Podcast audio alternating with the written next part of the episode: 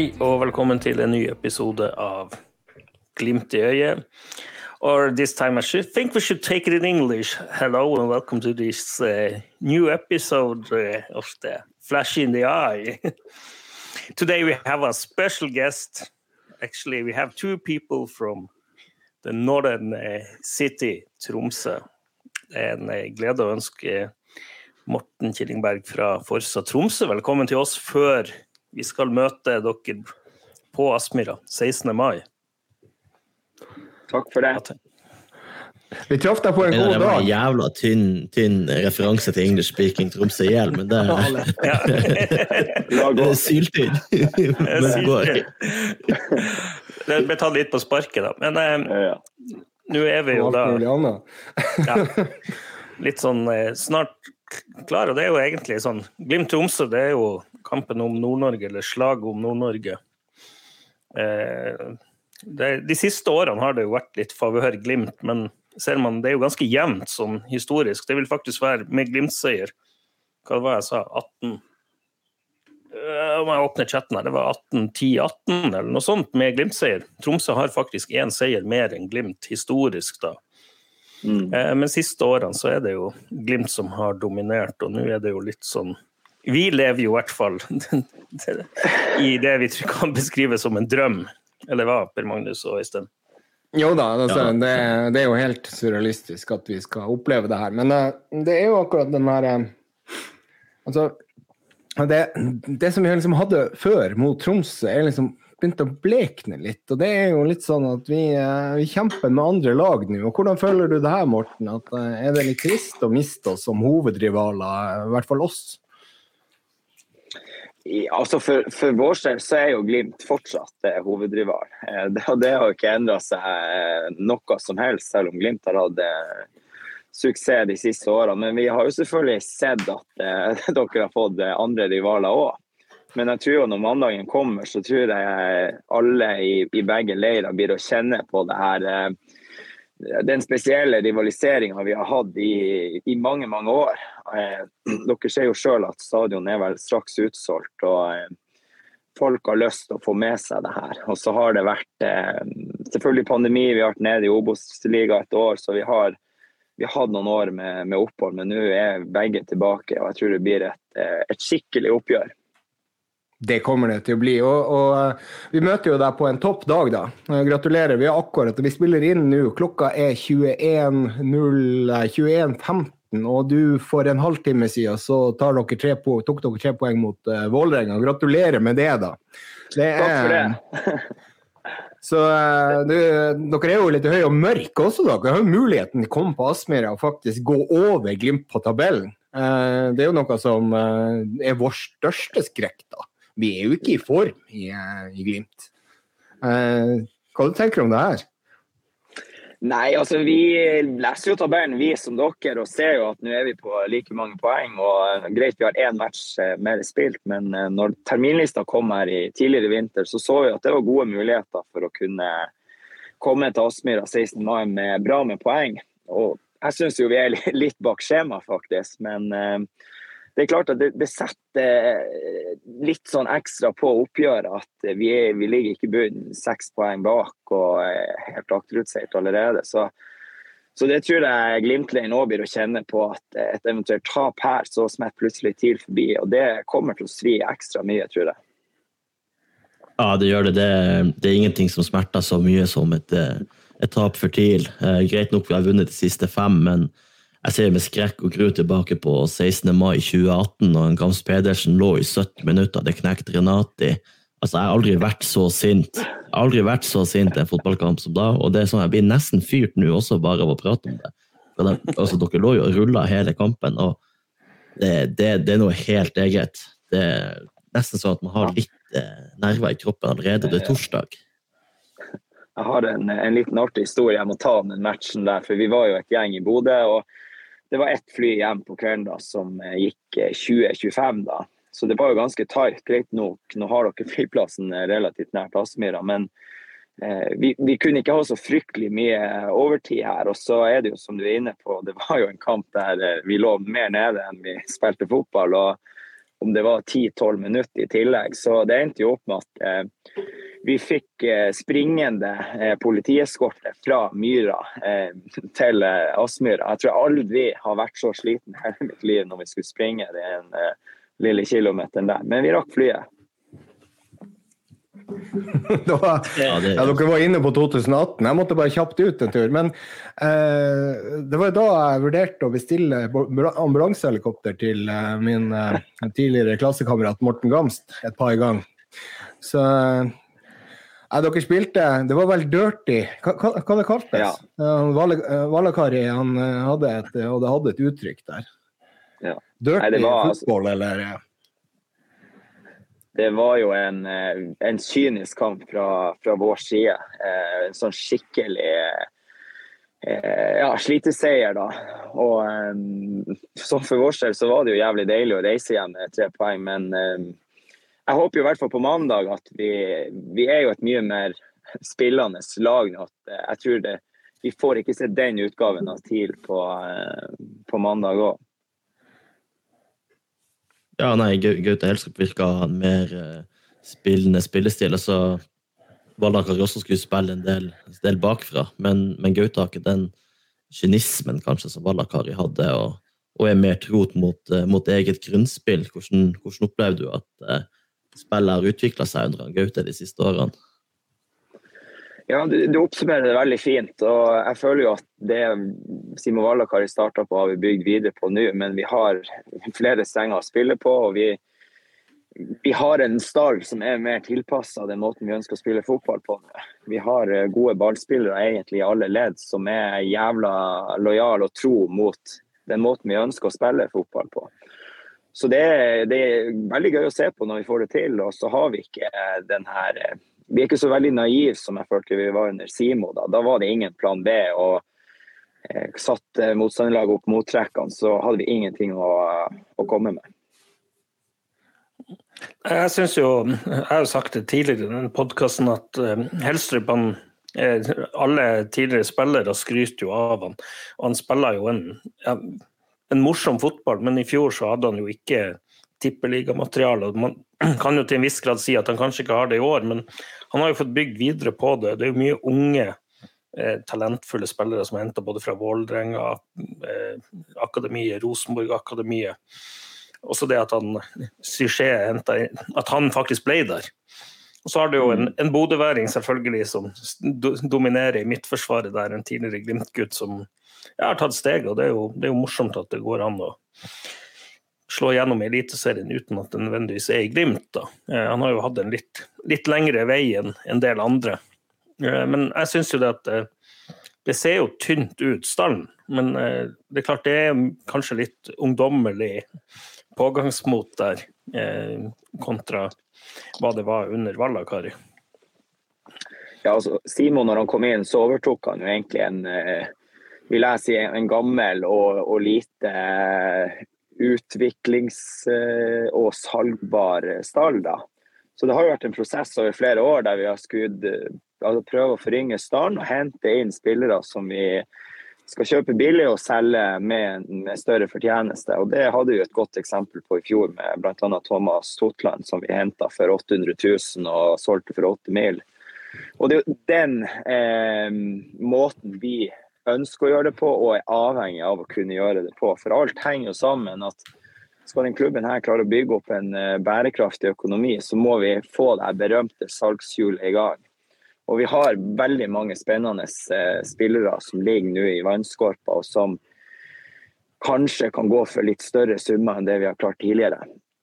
Ja, altså, det, det som vi liksom husker fra uh, vi som er litt eldre, da. Vi husker jo 90-tallet. Og det var jo egentlig uh, Tromsø sin ekstreme, uh, ekstreme talent til å skape toppspisser. Du kan jo nevne på rekke og rad Tore André Flo, Sigurd Rusfeldt.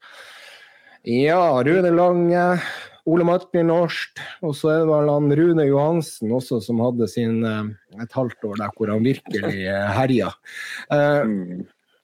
Og det, det, er noe som kanskje har forsvunnet nå litt, det her med, med, med den satsinga på uh, spisser og, og, den biten. Uh, klarer du å huske 90-tallet og forklare litt hvorfor det var sånn, og hvorfor det ikke er sånn nå?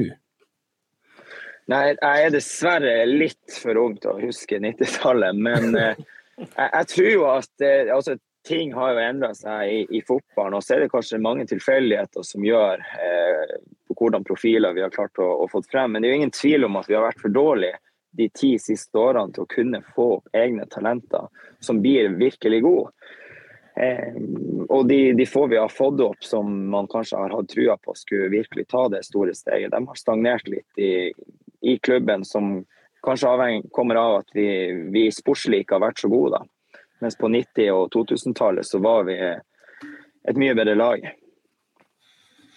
Ja, Nå har jo Espejord begynt å skåre mål i Eliteserien, så det er jo ikke, er jo ikke slutt på, på, spissutvikling i TIL. Nei, Nei det venta i seks år på at han skulle, skulle slå ut i full blomst der, og så ble han endelig skadefri og bare snakkes.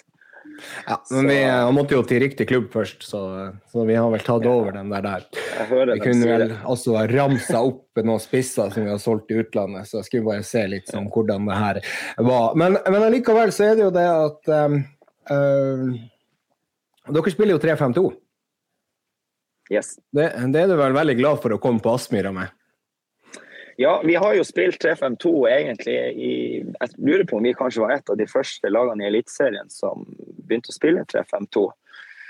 Og eh, vi hadde jo eh, Det var veldig interessant i fjor å se hvordan motspillet til TIL var når vi møtte spesielt Glimt. da. Eh, og så er det jo noen lag i år da som har eh, kanskje knekt den koden enda mer enn det vi klarte.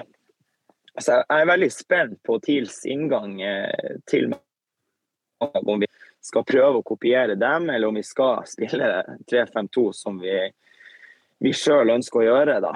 For det er klart at eh, ja, vi ønsker å være gode i toppresset, men er det noe som kanskje er styrken til TIL, så er det jo å ha ballen i laget og la motstanderen springe. Det er jo selvfølgelig styrken til Glimt òg, men jeg tror hvis vi skal ligge nede i ramma og pakke oss inn i 16, så tror jeg vi kommer til å få problemer. Det tror jeg. Ja, for det er altså, sant, må, Vi må jo egentlig stikke fingeren litt i jorda. I, eller dere i Tromsø eh, må jo kanskje også gjøre det pga. at eh, f.eks. Viking har litt mer eh, kvalitet i de spillerne som skal stå opp i en 3-5-2-formasjon, i kontra TIL. Så jeg tror det skal bli vanskelig for dere å stå i samme ramma som, eh, som Viking og straffe oss eventuelt på kontringer. Det er i hvert fall eh, det som er min tanke. Jeg vet ikke hva dere tenker, dere Bjørn Einar og, og Øystein? Um, ja, gjør nå! Der kommer jeg, du. Jeg tenker at uh, det hadde vært hyggeligere for TIL hvis de var det første, første laget som kom i den informasjonen til Aspmyra i år. Men nå har jo Glimt virkelig fått spist stein i det siste på det her, og er forhåpentligvis eh, mer klar til å møte nå 16. mai. det, det som blir forskjellen her, er jo at eh, altså, TIL vil jo komme i sin vante formasjon. og jeg tror at eh, ja, vi kommer til å ta hensyn til det Glimt det går på, men i hovedsak så tror jeg vi ønsker å være gode på det vi er gode på. Men eh, de andre lagene har kanskje gjort større justeringer ut ifra sin vante formasjon og måte å spille fotball på for å, for å takle Glimt. da. Så det, det, det kommer ikke et lag på mandag som skal gjøre alt for å ødelegge for Glimt, i hvert fall. Her tror jeg vi skal prøve å være gode og spille på våre egne styrker. Men kampene i fjor var jo sånn at Tromsø var jo tålmodige. De skapte jo en del farligheter også, selv om vi vant 3-0 hjemme. Det var vel det 1. mai, det var nå åpningskampen i hvert fall. Eh, skapte jo en del farlige sjanser, eh, men vi hadde jo Botheim da, som er Tromsø-døder. Og det var jo også et jevnt oppgjør på, eh, på Alfheim, der vi, til slutt Saltnes hedda inn en, en dødball. Klassisk eh, Saltnes-heading, og han skal jo ikke spille nå, da, men det er jo litt sånn Jeg syns Tromsø var, i fjor var et eh, av de lagene som var vrient. For jeg satt jo satt litt at det, dette er en sånn kamp som lever sitt eget liv, uavhengig av tabellposisjon. Så var det sånn, følte jeg meg ikke trygg noen av de kampene på at det skulle bli seier. Ja, og det, det er jo altså 3-0 på Aspmyra Var det 1. mai? Var var det det du 9. mai. 9. 9. mai. var første, første seriekampen. Det er jo et, eh, Hvis du skal se det med nøytrale øyne, så er det jo et flatterende resultat. For Tromsø var jo mye mer med i den kampen enn hva det, til, det resultatet tilsier. Og eh, på Alfheim så ble det jo tett, og det ble jo også eh, Det kan vi jo ta litt etterpå, etter at du har svart på den der, men det ble jo en uttalelse fra Ulrik som, som kanskje var litt eh, Ja, kom på kanten, eller hva man skal si. men ta Ja, det nå 3-0 første overkanten. Ja, nei, jeg, jeg syns dere oppsummerer det godt. Vi hadde de to seriekampene der jeg føler vi henger veldig godt med. Og så er det selvfølgelig kvalitetsforskjell på lagene som gjør at Glimt stikker av med, med seier i begge oppgjørene. Vi hadde jo en generalprøve, eller en treningskamp på Aspmyra rett før eh, seriestart i fjor, der det ble uavgjort. og der vi der vi um, gjør en bra match. Så eh, jeg tror at eh, spillerne og trenerne på mandag kommer til å, å ta TIL på største alvor og ha respekt for at eh, det her er ingen enkel oppgave. Jeg tror overhodet ikke vi kommer til å bli, bli undervurdert. Og så håper jeg bare at vi, vi klarer å komme opp på et nivå der vi skal gi eh, Glimt skikkelig match. Ja, og det er jo, det, er jo, og det, det tror jeg også. Jeg, jeg tror det blir jevnt, og det er litt med hvordan Glimt har vært i det siste. At ikke vi har sittet helt. Vi kunne se litt mot Lillestrøm at vi kunne begynne å, å, å dominere igjen og, og kjøre litt høyt press. Men det har absolutt ikke fungert. Og jeg tror eh, Nå var det jo også det at vi hadde Lasse Nordås som spiss som ikke hadde spilt noen kamper. Nå får vi i hvert fall Boniface tilbake igjen. Så får vi se om Espejord også får spilt litt. Men uh, jeg tror det er Boniface som blir å starte og gi, gi litt juling der uh, mellom stopperne deres. Så det, det blir jo det. Jeg tror Altså, Kasper skal få kjørt seg der. Ja, altså jeg frykter nesten han mer enn hvis han Runar hadde spilt. og det altså Boniface er en jævlig god spiss. Jeg, jeg syns nesten han er bedre enn en Runar og burde kanskje fått enda mer sjansen. Eh, og klart, hadde, eller Hvis Runar starter på mandag, så, så er det elleve andre spillere på motsatt lag som har veldig lyst til å gi han litt juling og blir å være på hele matchen. Absolutt. Jeg er litt uenig. Altså, det er sånn, Ja, ok. Boniface har et større potensial enn Espejord, men Espejord er han er en jævla smart spiller, men jeg ser jo at han ikke, jeg så jo en del Tromsø-kamper i fjor hvorfor han ikke nødvendigvis passa inn i det Tromsø-laget. Eh, Tromsø ble jo liggende bakpå og satse litt på kontring, og du så jo selv han si, han eh, slangen fra Harstad, fra Ondrasjek. Eh, Kobraen. Kobraen. Han, eh, han kom jo heller ikke til sin rett, for det ble ikke mye innlegg å jobbe med. Og Det har kanskje vært litt av problemet med Runar nå, at han i Europa fikk han en del sjanser, eh, mens hjemlig serie så har han blitt passa jævla godt på. Men, men han, sånn, han har øye for mål. Boniface har jo ekstremferdigheter med det å kunne møte og vende opp og skyte. Og av og til så skyter han i hull i lufta og bomma litt der han hadde hatt noen tilfeller av det. Men de er ganske forskjellige som spisstyper. Det er litt sånn kanskje styrken til Glimt, men jeg syns ikke Runar har kommet så godt i gang som ut ifra det han starta med. Det gikk jo seks minutter før han skåra. Det er litt sånn, her har han gått 17 kamper uten mål for Tromsø i fjor, så det sier vel kanskje litt om, om Det er litt forskjell på hvordan lagene spiller. og Det er jo det er klart eh, det skal være det ut ifra tabellsituasjonen, men så er det disse kampene som lever sitt eget liv, som jeg sa i stad. Mm. Men det, det har jo også liksom med tenninga å gjøre, og da er vi jo tilbake igjen til uh, Ulrik Saltnes uh, sin situasjon på 2-1-skåringa på Alfheim. Hadde dere stått og ropt noe der, eller foresatt Tromsø, hadde dere vært ivrige i tjenesten, eller, eller, eller hva det var? Nei, altså det kunne jo nesten virke sånn, fordi at eh, i etterkant av kampen så ble det jo gjort et intervju der uh, Ulrik forteller hva han ropte. Og han, han, ropte jo mot oss, det var det jo ingen som helst uh, tvil om. Og da sier han at han uh, ja, kunne be supporterne på tribunen å gå og henge seg fordi at det var ropt mye dritt etter han. Og nå kan jo jeg snakke for, for Forsa og det området rundt oss, og det, der vet jeg det ikke blir ropt noe som helst. Eh, om det har sittet en eh, tulling lenger bort og ropt, kan godt hende, men da, da kjøper jeg ikke helt forklaringa på at eh, han står og roper mot oss. Altså det, det, var det som provoserte oss. Ja, Men altså, skal det ikke være litt tenning, Morten? Skal ikke det være litt, eh, litt fyring fra tribunen? Du trenger kanskje ikke å gå over på, på det som er straffbart å si, men eh, jeg, jeg, kan ikke be, altså, bebreide dere hvis dere har sagt noe som har vært litt på kanten. Det, det syns jeg egentlig skal være i et sånt oppgjør, og det blir jo litt ekstra tenning. Skal ikke det være litt sånn? Jo, jo, jo. Eh, jeg fikk jo, jeg fikk jo bare latter tilbake. Jeg ropte på Daniel Berntsen i fjor på Alfheim. Eh, det var corner der, der vi sto, og så ropte jeg 'Daniel Berntsen, din forbanna Judas'. 'Han Runar la opp for deg, han Runar la opp for deg, så stikk du av, din forbanna Judas'. Han bare klappa håndlig og flira tilbake. Men det er nydelig. Det skal fyres litt. Det må fyres litt, må ikke det? Ja. Nei, jeg er helt enig. Det skal være fyring på tribunen. og det er i hvert fall her oppe en helt annen temperatur blant folk når Glimt kommer på besøk. Eh, ja. Og så er, jo, er, vi jo enige om at vi skal ikke gå over streken. Og, men, men, det er liksom, for vår del så har vi egentlig et jævla fokus på å ha, altså konsentrere oss om eget lag. Og vi ser at hvis vi fort eh, mister det fokuset og kanskje vrir det om på motstanderne, så kan det nesten eh, slå tilbake på oss. Det, det, det kan være, det, og det er jo et riktig. Men altså, sant, dere Forsa Tromsø har jo ikke vært i noe sånn her trøbbel, så, i hvert fall som vi har sett. Eh, og uh, der er jo noen andre supporterforeninger rundt i Norge som, som stadig vekk havner i, ugunstige situasjoner med både politi og, og, den biten der. Er det noe som dere gjør internt for å Snakker dere med dem, eller er det rett og slett bare hyggelige folk som, uh, som, som klarer å oppføre seg?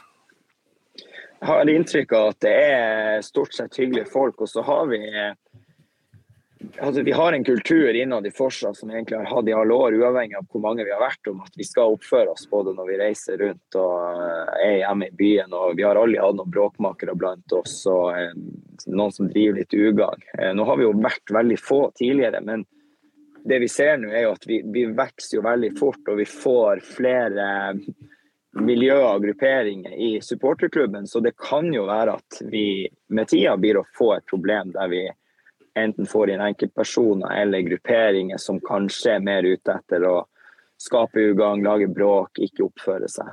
Ja, Er dere rigga for det? Hva du tenker som er den beste hvis dere eventuelt havner opp i en sånn situasjon på en bortetur? Hva, hva vil være din uh, greie som leder? Tar du det internt da, eller utestenger vil du utestenge dem? Hva, hva, hva, vil liksom være din første tanke der, hvis det er f.eks. en som drar og gjør hærverk et eller annet sted på uh, bortetur?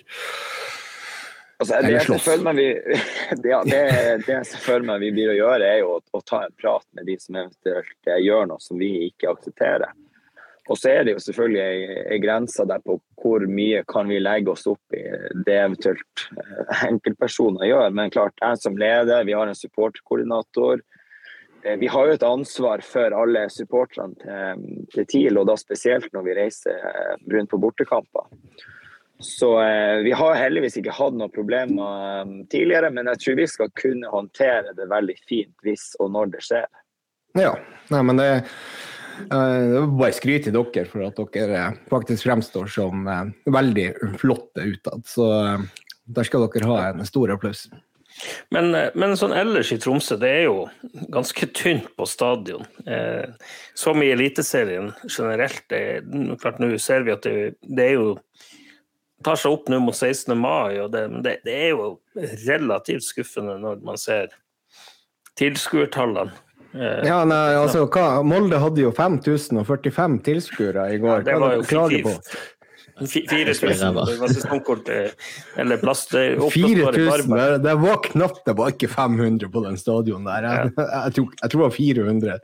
Jeg tror dere var flere i dag, eh, Morten, på Alfheim. eh, Sånn som jeg, i hvert fall jeg klarte å se. Eller stadionet er jo litt mindre enn Molde sin, så eh, øyet blir vel litt lurt. Ja. Det, var, det var, står at det var 2000 hvert fall, som var oppgitt. Det, det virka som at det var ganske sånn repeata noe, noe annet. Det er jo det er jo ikke mange år til man skal tilbake for det var rundt 4500-5000 på, på Alfheim sånn jevnt over. Eh, hva tenker du om det? Liksom, hva, hva er det med engasjementet? Hva kan vi gjøre i norsk fotball for å få flere folk til å komme på, på stadion? For det er jo tross alt også noe som kan hjelpe økonomisk for klubben. Ja, nei, Det er et veldig interessant tema, og et eh, tema som jeg engasjerer meg veldig for å, prate med mye forskjellige folk om. og jeg tror at det her handler om veldig mange ting som er med på å spille inn på hvorfor det blir sånn. Først, Vi er overhodet ikke fornøyd med at det er 2000 tilskuere på, på Alfheim. Men vi har hatt ti år med sportslig eh, motgang, så sier. Vi har aldri hatt noen lengre perioder med litt medgang der man kan bygge entusiasme og engasjement i byen. Så har vi selvfølgelig hatt en pandemi som jeg tror har endra vanene eh, til folk på mange områder, inkludert det å gå på kamp. Og så har vi egentlig i årene før korona kom, så hadde vi i hvert fall oppgitt et eh, tilskuertall som var høyere enn det vi har i dag. Men jeg tror faktiske tilskuere så er vi egentlig på samme nivå som 2019 og 2018. Og så er det jo det evinnelige spørsmålet hva skal vi gjøre for å få enda flere på kamp.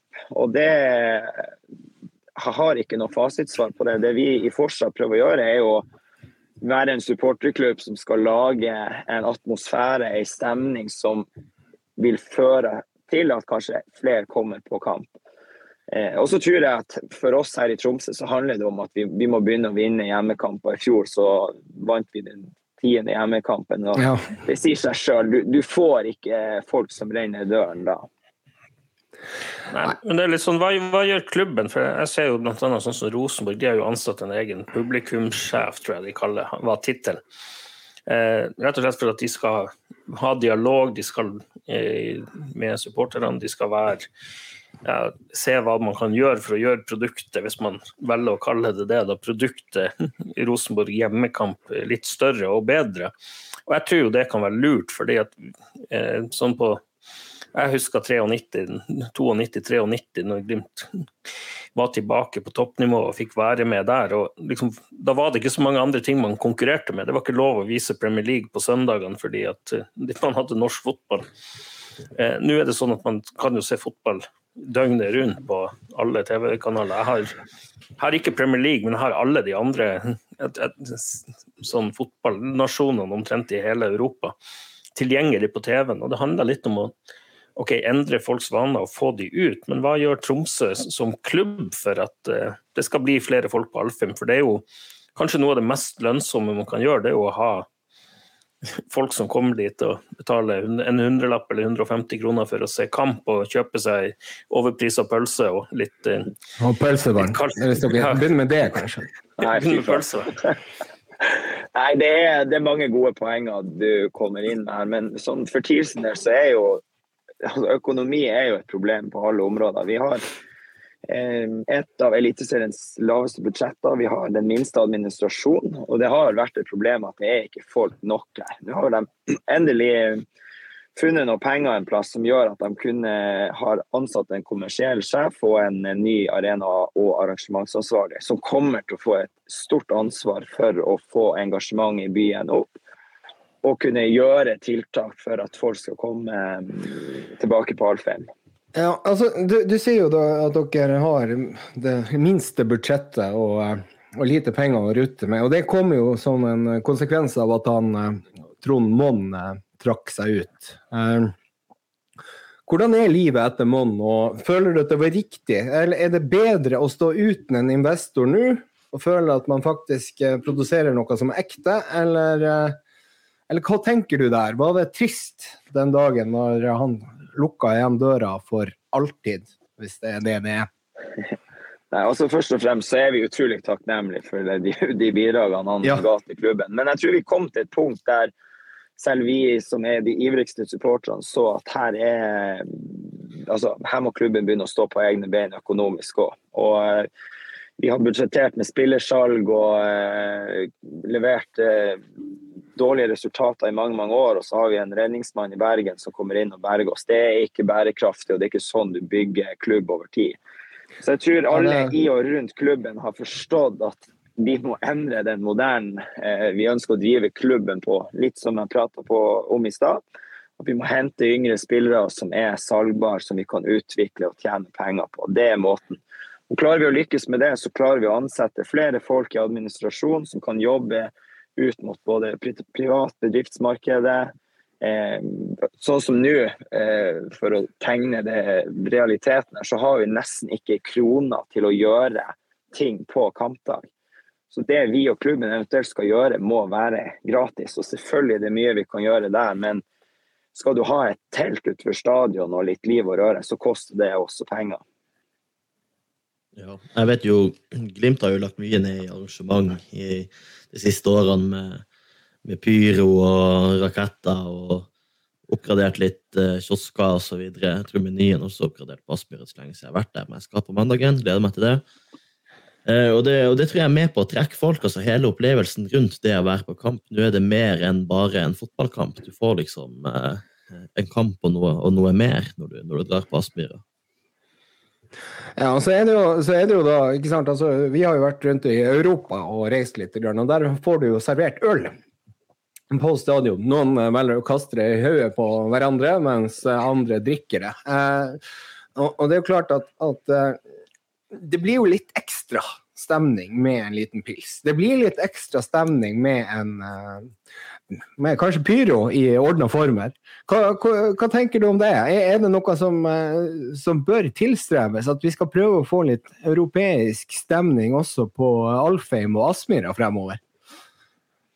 Ja, jeg er veldig for det å kunne eh, altså, servere alkohol innenfor eh, ordentlige former på en stadion. I dag hadde vi jo åpning av eh, Store Stå, pub her på ene tribunesida på, eh, på stadion. og Det var egentlig en veldig vellykka åpning. Det var fullt hus og masse folk som ønska det tilbudet. Og Ingen blir overstadig berusa. Man kan gå og ta seg et par øl og komme litt mer i i, i stemning til match. Og Da legger du til rette for flere segmenter av de som ønsker å gå på kamp. Det er ikke bare barnefamilier eller eh, unge eller eldre som går på kamp. Så mm, du må, du må kunne ha et godt tilbud til alle. Ja, det, Ja, og det, og det, det kan jeg jo bare si eh, De som har vært på noen borteturer, eh, med, med Glimt i sør særlig, kanskje. Det, det, det er jo ikke sånn at man kommer edru på kamp likevel, selv om det ikke er lov å drikke pils på stadion. Og jeg tror jo egentlig at, at mange, hvis, hvis de hadde kommet rett på stadion en time eller annen før kamp uten den turen på puben, og tatt seg pils eller to til kampen, så hadde man vært enda mer edru enn enn det man ellers ville vært på kamp.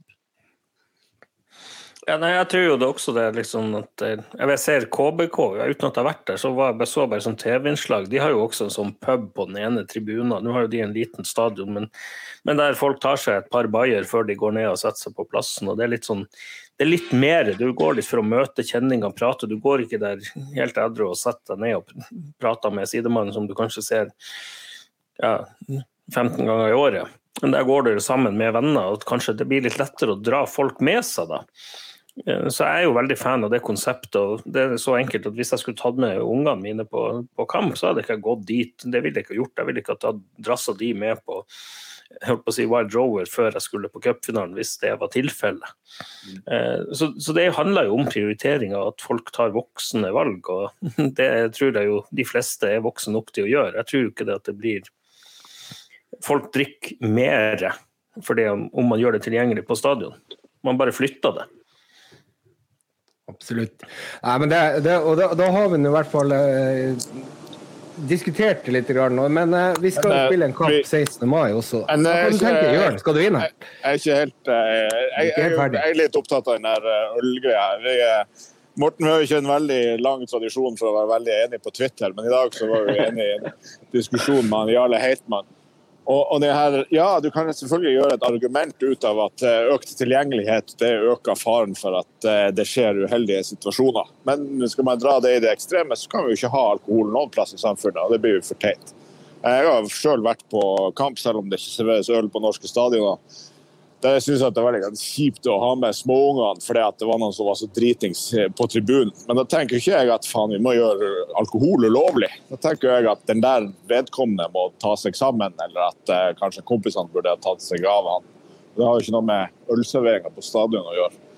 Tvert imot så tror jeg også, som dere nevner, at Eh, hvis du vet at du kan kjøpe deg to øl i løpet av fotballkampen, så kanskje det er noen som tenker at de ikke trenger å drikke seg stupfull før kampen for at det skal være, vare gjennom hele kampen. Ja, og skal vi polemisere videre på den Twitter-tråden, så er det jo veldig mye annet i dette landet man kan gjøre ulovlig for at det kan være farlig. Altså, det farligste du gjør hver eneste dag, er å gå opp av senga di, men allikevel.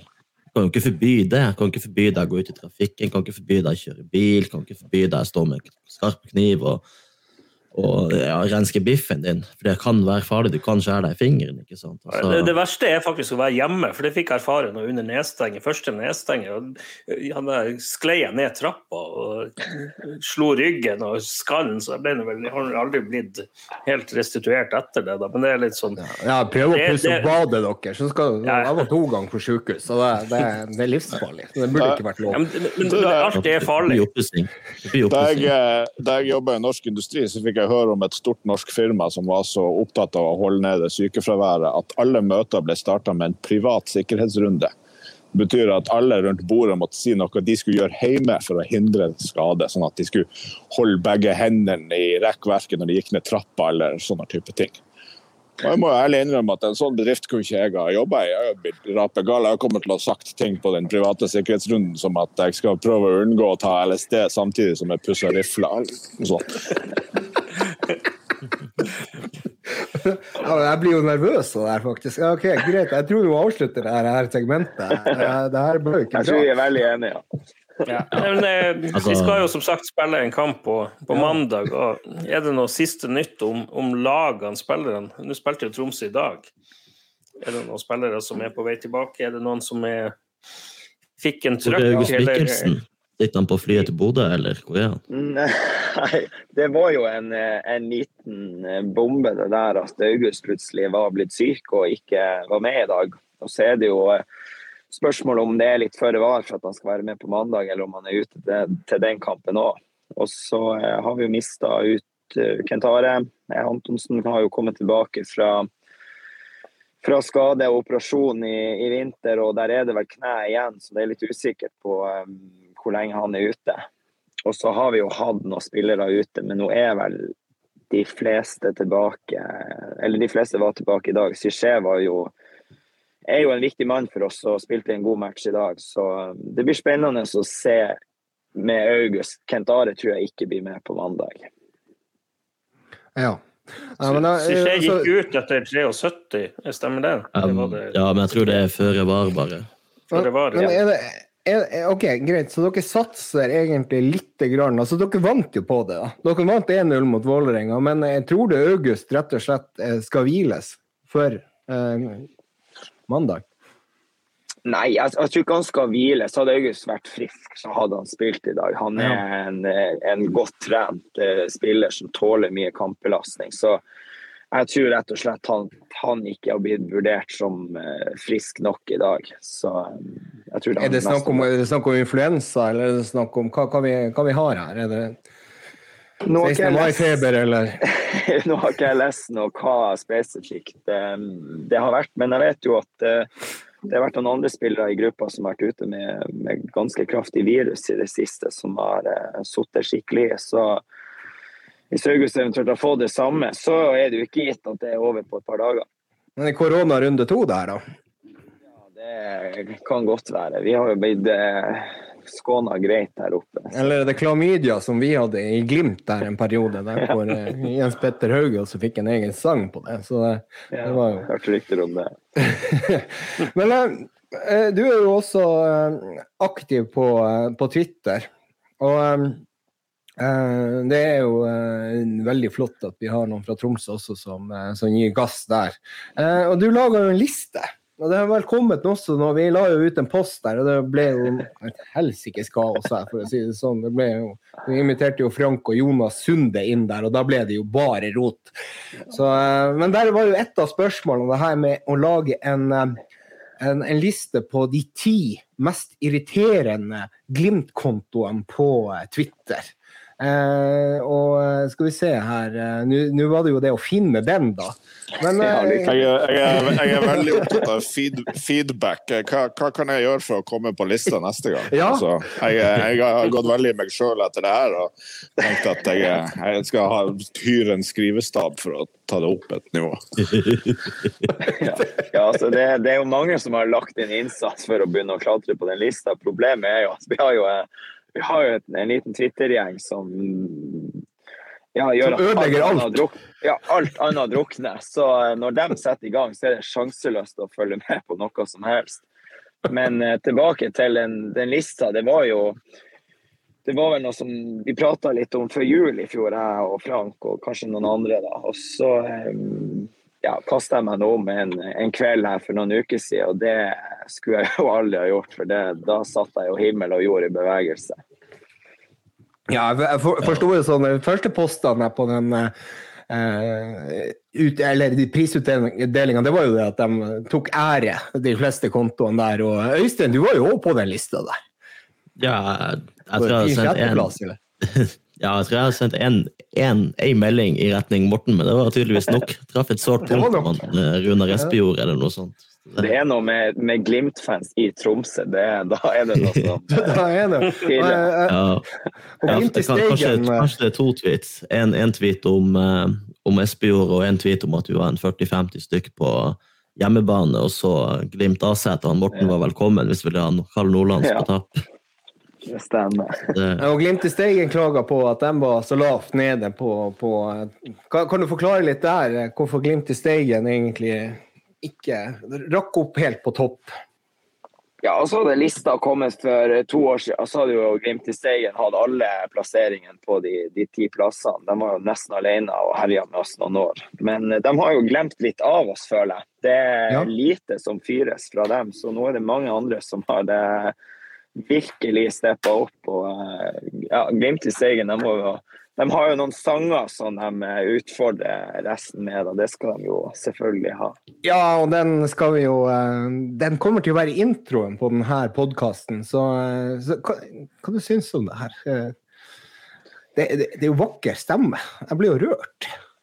Ja, altså det er Personen som, som synger, kan jo selvfølgelig synge. Det er en flott stemme. Men, og jeg, jeg syns det er jævlig gøy. Det er humor, og vi flirer av det. Men eh, det er så bra at jeg, jeg kjenner at jeg, det er nesten så jeg ikke tør å høre hele sangen. Fordi at jeg skjønner at jeg kommer til å synes at det der er jævlig artig, og det, det svir litt. Ja, det, den, eh, den får du høre når du hører det her i repeat. Skal vi ta og legge den inn på, eh, på starten, så eh, blir, det blir vakkert. Men så var det jo da topplista på den der var Glimt av verden. Der har det vel vært litt stille i det siste, sånn som jeg klarer å se det. Jeg kan ta og søke dem opp. Det ble, ble for mye snabel i monitor de ga opp? Det ble for mye snabel i monitor fra Jonas. Men ja, der, der har det faktisk vært aktivitet i dag, og lagt inn en bong, ser det, ser det ut som. Ja, det- Eh, ja, det funka fint, det her, står det. Vi Det er lagt inn på Viking, ja. ja. Åh, fint. Men eh, hva, hva som gjorde at, eh, at akkurat denne kontoen her eh, rakk opp eh, det første strået, altså tok førsteplassen akkurat når du la den lista? Nei, grunnen er vel kanskje at det er en konto som ofte eh, sklir litt over til å bli eh, ja, litt useriøs, kanskje. Det er jo, det er jo veldig mange Glimt-kontoer som eh, kan argumentere godt for seg, som man kan ha en fin diskusjon med. Men det er ikke nødvendigvis at man bestandig har det med, med Glimt i, av verden. Men jeg, jeg elsker jo det engasjementet og alt som bare kjøres ut der. Det ja, jeg skal ta meg capsen for det. og selv om jeg irriterer meg og ikke er enig i alt, så er det jo det er fullt Det er et stort, stort engasjement, og det har det jo egentlig vært de to siste årene. Så har det jo dukka opp en del Glimt-kontoer, og, um, og jeg kan jo skjønne din uh, kanskje litt frustrasjon at uh, det, er, det, er, faktisk vanskelig å lage en topp ti-liste. Uh, men vi har, jo, vi har, jo, noen seriøse spørsmål fra, fra Frank Amundsen også, ja. da. Ja, ja, ta dem. Et, et, dilemma, blant annet. Vi er jo glad i dilemmas. Det er lenge siden vi har dilemmas. Um, TIL rykker ned til fjerdedivisjon og blir der til du dør. Eller TIL forblir et heiselag mellom Eliteserien og Obos, men du må stå på Alfheim i Glimt-drakt på alle kamper midt blant fortsatt Tromsø. Ja, den der den er klink. Der går jeg for den, den første, uten tvil. Så du rykker ned i fjerdedivisjon? Ja. Altså min, min, kjærlighet og mitt engasjement til TIL det kommer til å være like stort uavhengig av hvordan divisjon vi, eh, vi er i. Og jeg blir ikke å ikle meg noe Glimt-drakt uh, uansett. Hvis, hvis jeg vinner Euro-jackpot på fredagen, da, hva er prisen din? Det, det, det, er ikke et alternativ, Nå skal jeg fortelle dere en historie. Større sannsynlighet for at jeg ikke vinner. Uh, Morten uh, og alle andre. I uh, 2003, jeg tror det var det, eller var det 2004? Nei, det var 2003, for vi, vi tapte. og da var det satt opp hurtigbåt fra Tromsø til til Bodø. Jeg bodde i Tromsø da, og vi var et par-tre Glimt-supportere som fikk lov å være med på, på hurtigbåten til, til, Tromsø, nei, til Bodø for å se kamp mot, mot Bodø-Glimt. Tromsø-Bodø-Glimt. 16. mai, og det gikk jo skeis. Jeg tror vi tapte 2-1, uten at jeg er helt 100% sikker på det. Men på tilbaketuren så dukka det opp noen tilspillere på, på ja, jeg hadde litt lyst til å, ta seg en liten fest. Og, eller fest, det var noe øl, da. Og jeg ble jo sittende med Hans Åge Yndestad da, og prate litt skitt. Og, og da dukka det opp et veddemål. Jeg husker ikke helt hva vi vedda om. Men det var egentlig det det endte med. Det var det at Hans Åge Yndestad gikk gjennom hele båten til baren, eller kiosken da, i den båten, i min Glimt-drakt, og bestilte øl til oss. Uh, og han gikk tilbake igjen, og han fikk jo en tilbakemelding om at det kanskje ikke var helt greit. Uh, men uh, situasjonen var jo det at jeg fikk nå øl, og jeg vant tydeligvis det veddemålet. Og, og, han signerte også drakten min fra 2003. Så det, det, var, det var en Jeg tror jeg aldri kosa meg så mye i det Hans Åge bare vugge fremover med øl på brettet og uh, Glimt-drakt på. Så det, så det var, det var når, han var i landslagsdiskusjonen også. Det, ja. det jeg lurer på, er jo hva, hva han så gjør på en hurtigbåt etter etter Glimt 10. Det, Må du huske på at det var i 2003. Jeg, jeg vet han er, han er, glad i en god fest, og det kan jo godt være at han fant ut at det var mer attraktivt enn å sette seg på et fly. Så. Helt nydelig. Jeg elsker Hans Åge Insta. Yes. Jeg ser det kommer et spørsmål fra en der. Han er faktisk min nabo her. Da. Han er, Thomas Brustad han lurer på hvor lei han å høre at han må unne Glimt suksess i Europa. Ja, det er skikkelig lei av det der. Det er, det er sånn evigvarende diskusjon her oppe i Tromsø eh, blant TIL-supportere. Eh, skal man unne Glimt noe eller ikke? Og det, eh, der har jeg vært klinkende klar fra dag én om at jeg unner ikke Glimt noe som helst. Og jeg unner ikke dere å slå Løvam i førstedivisjon eller eh, Tuil i cupen. Det spiller ingen rolle. Glimt er vår største rival, og sånn har det vært, og sånn kommer det til å være. Og, eh, så er det mange som er veldig sånn eh, Det her med at vi skal eh, heie på nordnorske lag og unne hverandre. Og jeg har jo forståelse for at det er folk i begge leirer som klarer å gjøre det. At andre skal sitte og fortelle oss som er ihuga supportere, at det, det er feil av oss å ikke unne Glimt noe. Det blir helt sjanseløst for min del. Ja, nei, jeg er helt enig med deg. Nei, jeg er det. Eh, Men nå er det jo sånn at, at i dag så var det jo egentlig det, det, har jo, det, det er jo det som jeg har sagt, det har endra seg litt her. For Ja. I dag så gjorde det ingenting at Vålerenga vant. Eh, gratulerer igjen. Eh, så, men det er fordi at jeg syns ikke Vålerenga er noe særlig heller. Så ja, at at Vålerenga tapte, mener du? Ja. eh, Eh, så er det. Ja. Ja, men det, det er sånn valg mellom pest eller kolera, liksom. Skal det liksom det, det, det er jo sånn at det, Jeg sier at det, jeg syns jo det morsomste er når Tromsø er et heislag. og det er sånn, Selv når vi var i, i da Adecco og sto og sang 'Tromsø rykka ned' når vi rykka opp, det jo ingen, var jo ingenting som var mer fantastisk enn det. Jeg hørte liksom på, sto på Strømmen stadion og fikk liksom at Tromsø, Tromsø ligger under, det begynner å nærme seg nedrykk, og vi var klare for å feire opprykk. Nå ble det ikke opprykksfest den dagen, ble utsatt, men, men det er sånn eh, Altså ja, av valg mellom Tromsø og Vålerenga, så velger jeg Tromsø, men eh, det gjør meg ingenting at Tromsø er der de var i fjor, at de balanserer helt på en knivsegg. Jeg er litt sånn jeg ser at det er veldig mange Glimt-supportere som også mener at Tromsø skal ikke rykke ned. Så sier jeg jo, men det, det, det gjør ikke oss noe. Vi mista 16. mai-kampen da, men vi kan gjerne rykke ned i år, for da får vi kanskje hjemmekamp til neste år òg mot Rosenborg eller noen av de andre småklubbene. Ja, men altså, det, det, det, og det her er litt sånn det, Der er folk litt delt, akkurat det der på å rykke ned. Fordi at eh, Der føler jeg det at det er ganske mange som mener at Tromsø bør være i Eliteserien for å få det rivaleriet og den her litt sånn spenninga 16. mai og den litt sånn fightinga i Eliteserien. Eh, så, så, så akkurat der så, så er det mer delt eh, i Bodø. Jeg er ikke helt sikker. Altså, jeg, jeg kan jo si det sånn at jeg var jo super, altså jeg var jo forbanna. Vi tok sølv i 2003. Tilbake igjen til 2003 igjen. Vi tok sølv. Eh, men det jeg var mest opptatt av etter kampen, det var at Arne Vidar Moen skåra på overtid mot Rosenborg og berga plassen for Tromsø. Og det var, da var jeg forbanna.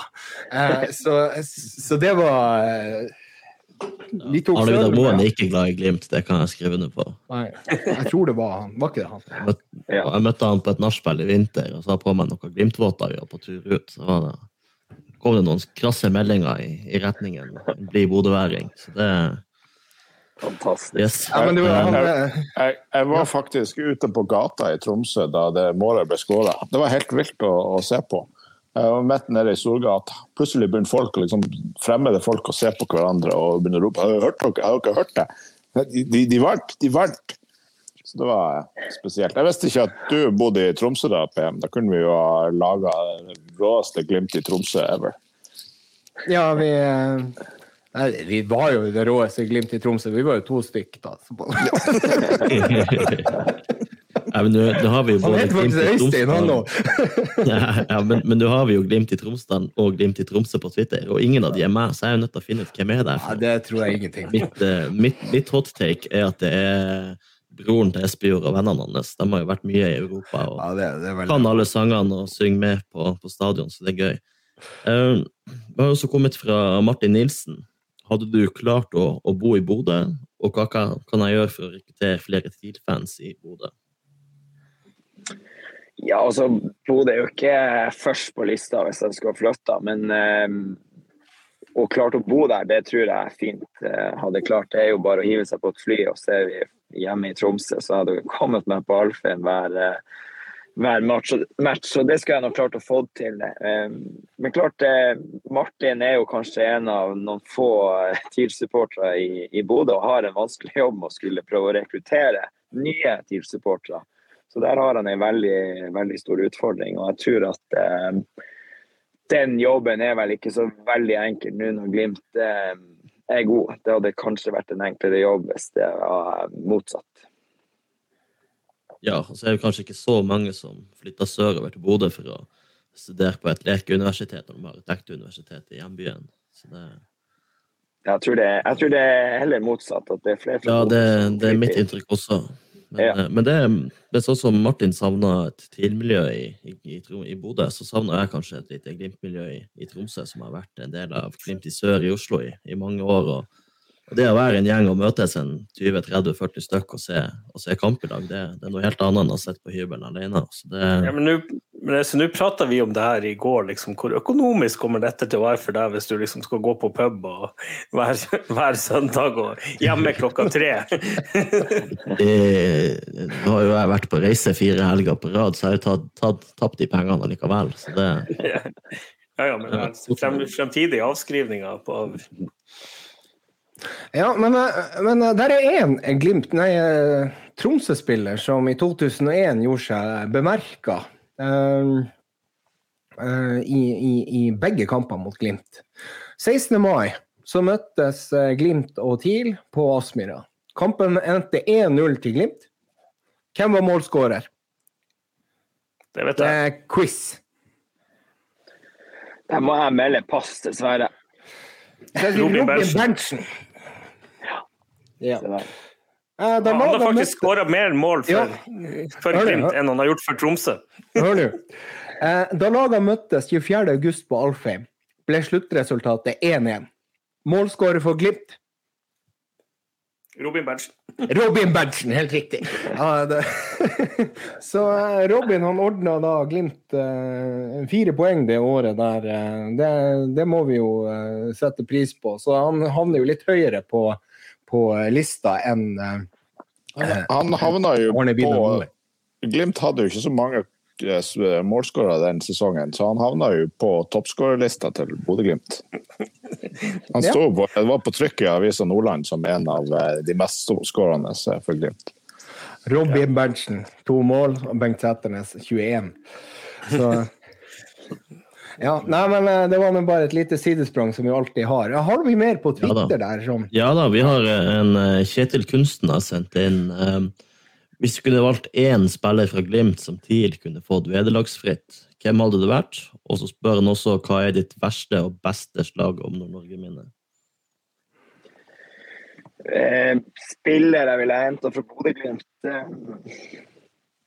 Og den eh, altså, Dere har jo en god del gode spillere, det skal jeg jo ikke legge skjul på. Så er det liksom hvordan spiller er det vi ville trengt. Um, jeg tror kanskje jeg hadde henta en ja, kanskje en Brede Moe. Um, litt fordi at han ville tilført oss noe som vi kanskje mangler i dag.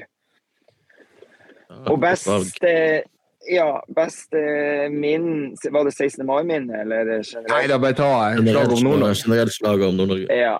Nei, jeg har jo to veldig gode minner som stiller seg egentlig helt likt. Og det er jo eh, bortekampene mot Glimt i eh, 2016 og 2018. Det er for øvrig de to gangene jeg har vært og sett eh, kamp i Bodø. Og da ble det seier begge gangene, og det var sinnssykt deilig.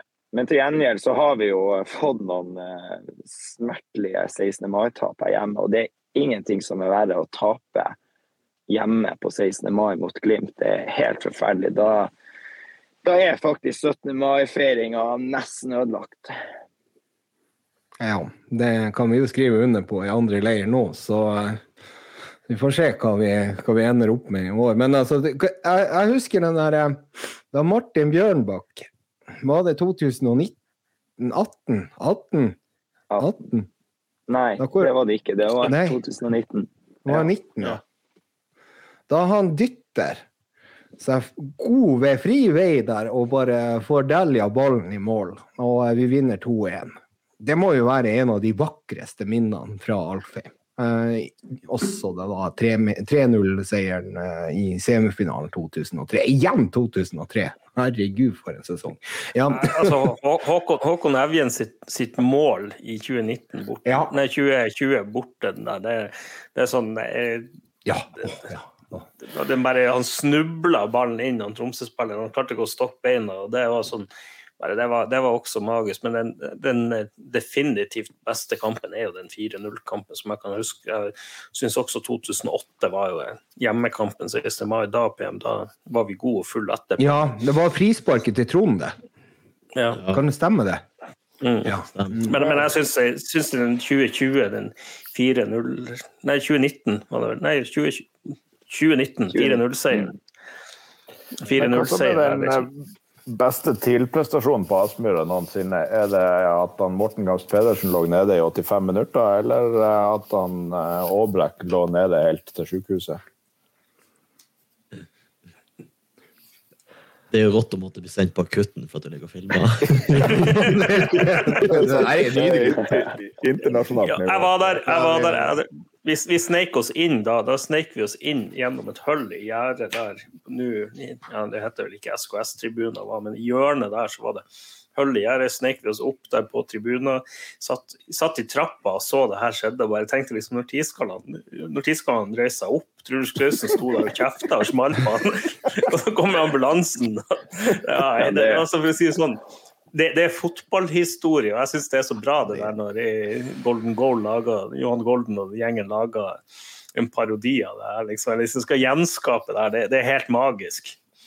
Det, det er sånn Forklaringa hans er jo veldig god. Han sier at når det har kommet så langt, så ble det for dumt å snu. Og da, da er du på et nivå at du må bare respektere det, rett og slett. Det, Jo, men det verste er ambulansen slapp han av før sykehuset. De slapp han av i, i hjørnet, i Rensåsparken. Før de kommer inn der, så, så gikk han tilbake på, gikk han på flyplassen. Det, det er helt magisk. Uh, er det, er, det har ikke jeg fått med meg akkurat det her, at han gikk tilbake på flyplassen. Det er jo enda mer legendarisk. Det her er jo helt vil Du ikke gå til stadion, liksom. Det er jo litt flaut hvis du kommer gående tilbake til stadion. Det Ja, ja. så- Hei, her er jeg! Det gikk bra. Det gikk Bra. gikk bra. Men, men det er jo ikke noe Tromsø-podkast, Morten. Det har vi jo lyst til å utfordre dere. For det er litt sånn ja. eh, Vi er jo egentlig litt sånn resultat at vi sitter jo egentlig og sjabber skit om Glimt uansett. Nå er, vi bor jo vi litt spredd. Eh, også, men jeg hører jo mye på podkast, både til og fra jobb og på jobb når anledninga byr seg. Det, det er jo ikke noen Tromsø-pod, ren Tromsø-podkast, en, en fanpodkast. Så jeg har lyst til å utfordre dere litt på dette. at eh, det er jo morsomt å høre hva som skjer, og meninger før og etter kamp. Jeg sier det at jeg hørte Rotsekk i Rosenborg-podden etter, etter eh, først at vi hadde spilt inn podkast, så hørte jeg den dagen etter på jobb. Og det var sånn, ok, ja, da 1-1 mot Lillestrøm ble ikke så ille. For det, det er sånn, jeg satt og humra for meg sjøl etter å ha hørt spillebørsen deres. Det var helt magisk. Det var sånn, Da ble jeg i godt humør igjen. Ja, nei, vi har, Så- eh, vi har jo vurdert lenge egentlig om å, vi skal starte opp en podkast, og det var jo egentlig veldig nært her, spesielt i vinter.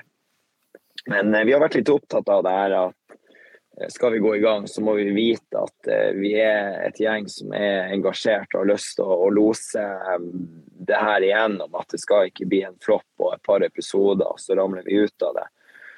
Så eh, man skal aldri si aldri. Det kan godt være at eh, plutselig så dukker det opp en podkast rundt TILO, og det er jeg helt enig i at det er noe som absolutt burde være der. For å, vi har jo mange som er engasjert, som følger godt med, og som sikkert kunne tenkt seg å ha vært med.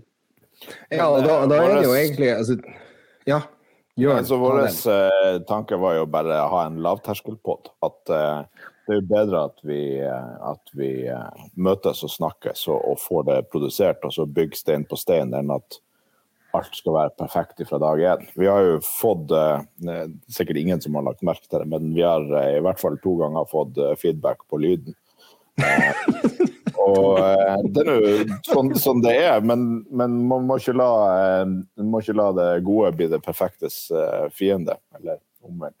Um, så at, jeg sier kjører i gang, og vår erfaring Jeg vet ikke hvordan det er med dere andre, men det er jo ikke sånn at, det, at vi må dra hverandre til mikrofonene, for at det er jo jævlig artig og drar jo hverandre opp, og vi podder vel egentlig oftere enn vi trodde i utgangspunktet vi skulle gjøre. Vi har vel flere av oss fått kommentarer hjemme om ja, er det podkast hver dag.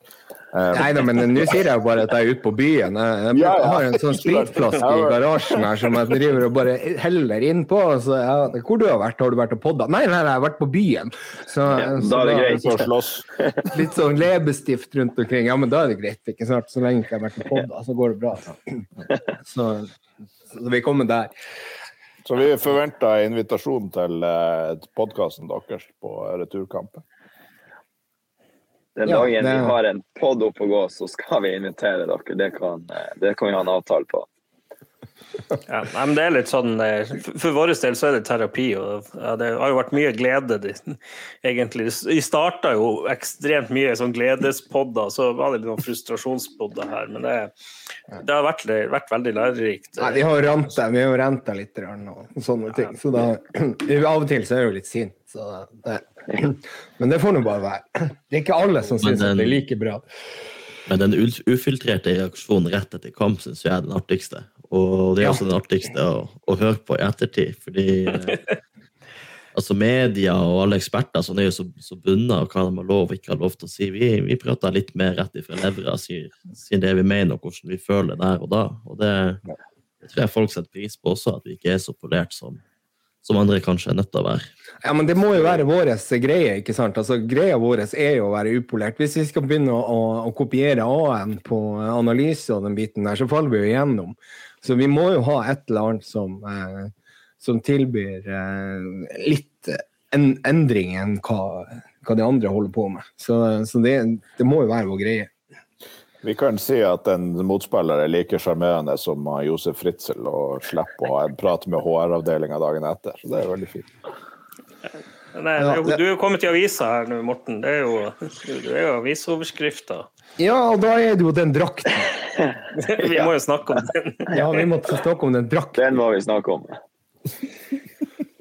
Nei, altså det, eh, jeg tror det var mange her oppe i Tromsø som tenkte at nå er det noen som skal kødde med oss og ta den helt ut. Eh, og det hadde det vært en kødd, så hadde det vært en jævlig bra. Det skal, skal jeg bare si med en gang. Men jeg, ja, jeg sa det rett ut, og jeg syns det er jævla spesielt å komme med identisk drakt. Jeg skjønner at her har Glimt hatt en prosess over lang tid. Starta før TIL lanserte si, men da får du rekke opp hånda og tenke faen heller, de var før oss. For det, det, som, det som skjer nå, og det skrev jeg på Twitter òg, det er jo at det er jo egentlig en jævla fin drakt som lanseres av Glimt, men den her oppmerksomheten som kanskje en ny drakt ville fått, den mister du fullstendig nå. Eh, Jeg har prøvd å lese meg litt opp, og dere kan sikkert supplere, men jeg har ikke inntrykk av at det her er en drakt Glimt-fansen har omfavna. Jeg syns den er fin. Jeg synes den, den, Nei, et nydelig drakt. Den er, fin, den er fin, ja, det er den, men ble du sånn Å, yes! Dritnice drakt. Den her skal jeg springe og kjøpe. altså, hvis jeg skal si min personlige mening om akkurat dette, her, så er det jo det at eh, jeg syns jo den hadde passa bedre i Karasjok for IL Nordlys enn den hadde passa for Glimt. Men allikevel så, så syns jeg Ja. Jeg tror Vent til Øystein, hva du sier Nei, jeg har jo et veldig ambivalent forhold til tredjedraktene til Glimt. For jeg tror eh, hvert år når vi har den ene kampen i året skal spille med sånn grønn Action No-drakt, eller en, en hvit eh, bærekraftsmåldrakt, eller hva det er for noe, spiller for miljøet, vi har hatt den havedrakten altså, Hver kamp har vi tapt. Alle kamper vi har spilt i tredjedrakt, har vi tapt. Så jeg bare sier eh, altså, Jeg kunne, jeg kunne brydd meg mindre. Altså, det, det, den er ganna, uansett hvordan den har sett ut. Det, Ja, men det Hva skal vi egentlig bruke den her, da? Skal vi bruke den mot Odd borte igjen, eller hva, hva, hva er det vi skal bruke den? Skal bruker bruke den hjemme mot TIL, er det det de holder på med nå? Nei, borte mot TIL skal be- begge lagene ha nordlysdrakt. Ja, ja, ja, ja. Men, men det er jo litt sånn, fra, så er det sånn at nu, vi tar det jo ut i Europa. det er jo litt sånn, Vi tar jo nordlyset ut og viser det sånn på vegne av Innovasjon Ja. Norge og Nord-Norge som reiselivsdestinasjon. Vi har jo en eh, sponsor i reiselivsbransjen, så det her er jo Han Kan hende vi forlenget litt eh, kroner på Tromsøs turistnæring pga. dette. så Jeg syns det er veldig bra at han sånn eh, internasjonalt flaggskip sånn som Bodø-Glimt tar gode ideer- fra hjemlandet ut til eh, kontinentet. Ja, er riktig. Og bruker eh, Ja. Mm. Nei, men det her er Nei, men vi har, vi, på draktfronten har vi jo mye spennende, så det er jo bare å hente flere gode ideer hvis, det, hvis dere trenger. Men, men, men, men en ting skal dere ha som dere har tatt til Glimt og Diadora-draktene. Det er det at de er ikke særlig supportervennlige. Altså, det er slimfit. altså, det, det er jo som å prøve å eh, putter et størrelse eh, 45 i sko ned i en ballerinasokk på, på 32. Altså det, det, det er sånn Ja, men altså, sant, er- jo, nå er jo Morten, Morten er jo ung, ikke sant? men eh, når han fyller 40-45, ikke sant? det er ikke akkurat Jeg, regner med at Magnus Hel, han Helgå, eh, Marius Helgå har litt problemer når han skal få på seg de trøyene. ikke sant? Det er jo det, det er jo litt, og det, Jeg er jo helt på toppen nå. Jeg er på 3XL. Det, han vil ha litt sånn at det, det ikke strammer helt. Og det, jeg må dit. Eh, jeg har jo litt sånn ekstra, det, det har jeg jo, men jeg er ikke, jeg er ikke en av de. Altså, det- altså Den grønne Ja, drakten som han PM har på seg, bare for å si det sånn, den er jo laga av resirkulert plast. Ja. Altså det er jo sånn Når du kler en, en litt sånn smålubben eh, supporter inn i det her det, det, man, man svetter, man gjør det. Det, det, er, sånn, det. er som å kle på seg Det er jo sånn som når Drillos før 94 reiste til USA og tok på seg svarte søppelsekker så de skulle svette, bli vant til temperaturen. Det det er jo helt jævlig. Ja, nei da, vi Glimt-supportere vi kan spille i 40-50 graders varme uten problemer. Vi har, vi har det på hele tiden, så det er ikke noe problem. Men jeg har jo sett uh, livesendinga vår på video eh, på Facebook fra dagen før cupfinalen, og Ja, ja. du sto jo stort sett i baris, så eh, ja, det var jo fordi at det var for varmt inn på Champs. ja. Nei, det har sin uh, naturlige forklaring. Vi fikk Frank opp på scenen, og da det, gikk det rett til skogen. Det fikk dere jo se. Eh, Morten, ikke se på det der. Det er ikke noe å se på. Det er 40-åringer 40-åringer i bare overkropp, det, det trenger ikke Scrolla, å se. scrolla uheldigvis forbi det bildet, så det Ja, ja. You're welcome. Nei, men eh, apropos draktdiskusjon, shout-out til Shade. Jeg jeg føler at Ja. vant den utvekslinga der. Ja, det er sant. Jeg er helt enig. Jeg måtte skrive en liten tweet om det der. Det, de vant Twitter i dag, så vi andre vi skal bare holde kjeft, og så kan vi bare ja, være syns- Men så har vi nå også Alta. Alta var jo også god. Eh, De er alltid gode på Twitter. Eh, Der har de vært inne og tegna på drakten til eh, Magnus Er det Magnus? Hans Nordby. Ja. Og, eh, og den syns jeg egentlig at dere må gå inn og se, for der, der har de fått med seg både tannbørsten til Glimt, de har fått med seg Ishavskatedralen og sin egen katedral, og, og Nordlys. Så det var vakkert. Det artigste en- med katedralen i Alta er at den skulle være designa sånn at eh, midt på kirketrappa er også midt på gågata. Men du ser bilder derifra, så er den to meter skeiv. Jeg har vært og passa på ikke- katedralen. det er ikke så gøy, det er, men det, er- det, er en- det, det er not so fun fun fact. Ok. Jeg ser, Frank har jo kommet med, Frank Ibaris har jo kommet her med Vi må jo nevne han i denne podkasten. Han har jo kommet med enormt mange spørsmål her. Eh, Den tråden har vi tatt, da, men så er det sånn eh, Klarer Tromsø å unngå nedrykk? Ja, det tror jeg vi skal klare. Jeg har egentlig veldig tro på laget i år. Jeg tror at vi skal ja, fort klare å legge oss fint midt på tabellen. At det kanskje blir første året der vi ikke sitter og biter negler til langt ut på, eh, vinteren for å sitte og lure på om vi berger oss eller ikke. Ja, altså, der er det jo hvem du tror rykker ned, da, hvis vi skal ta det. Hvem som ser svakest ut nå? Jeg tror det blir Jerv. Um, de syns jeg virker svak. De har liksom ikke helt Ja, de har plukka greit med poeng, men eh, det er gjerne i starten de nyopprykka gjør det, og så faller de litt av. Og så tror jeg det er litt åpent om den, eh, den andre plassen. Du har jo selvfølgelig Haugesund, Ja. som har sett fryktelig ut. Kristiansund eh, har sett fryktelig ut, har masse skader nå. Og så er det Det kommer til å bli tight som faen der nede. Du har både Sandefjord og Ålesund HamKam kommer til å være med. Eh, Godset kanskje. Så mm, jeg håper i hvert fall bare at vi klarer å ligge unna den verste nedrykksgjørma. ja, der er jo, Det er jo litt eh, sånn Ja. Eh, sommervinduet er jo litt sånn avgjørende, for det er jo det er klart, Mista Tromsø et par spillere. Det er jo litt sånn, som du sa, økonomien. Dere har kanskje ikke råd til å si nei.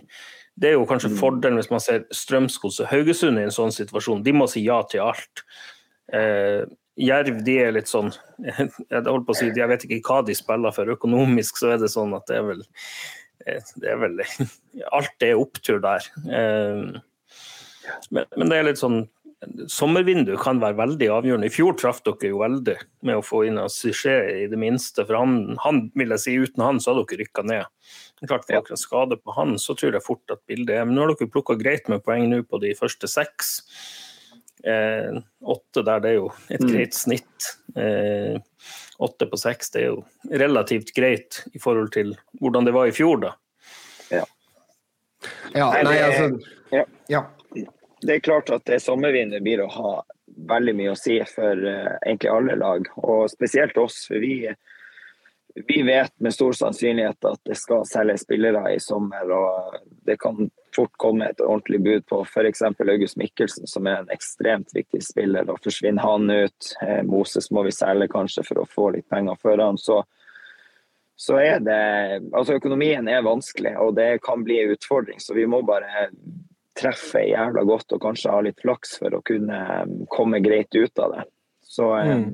det blir eh, Det er alltid noen som klarer å forsterke seg i det sommervinduet. og Der var vi et av de lagene som klarte det i fjor, i hvert fall. Hva vi må betale for August? Dere har, jo, dere har jo så mye spenn at eh, prisen til Glimt det har vel Øyvind Arlapnes sagt at den blir jo dobbelt så eh, høy hvis vi skal dobbelt. selge. Ja, nei, vanskelig å si hva markedsverdien hans er, men vi drømmer jo selvfølgelig om kanskje kanskje 15 millioner. Hvis vi, hvis vi får det, så er det et, et gigantisk salg for TIL, i hvert fall. Ja, da går han ikke Nei, eh, men, men det er litt sant det du sier, Morten. Jeg kjenner jo noen i, i Glimt, og de, de sier det at uh, det legges på en 6-7-8-9-10 millioner bare, bare Glimt så vidt er interessert i en spiller. og Det er ikke alltid Glimt er interessert i å følge etter de, de spillerne allikevel, da, fordi at man man Ikke man alltid. Vi har vel ikke kjøpt enn- noen av dem, så uh, da, da blir det aldri. Jeg har jo venta. Det er jo litt sånn som med, med Gaute Wetti. Da var det jo sånn når han fikk vite at Glimt var interessert, så var det sånn at ok, men da driter han i å signere ny kontrakt. ikke sant? Det, er jo, det var jo fem millioner i differanse på det Sarpsborg krevde i fjor sommer, og det han faktisk kom for.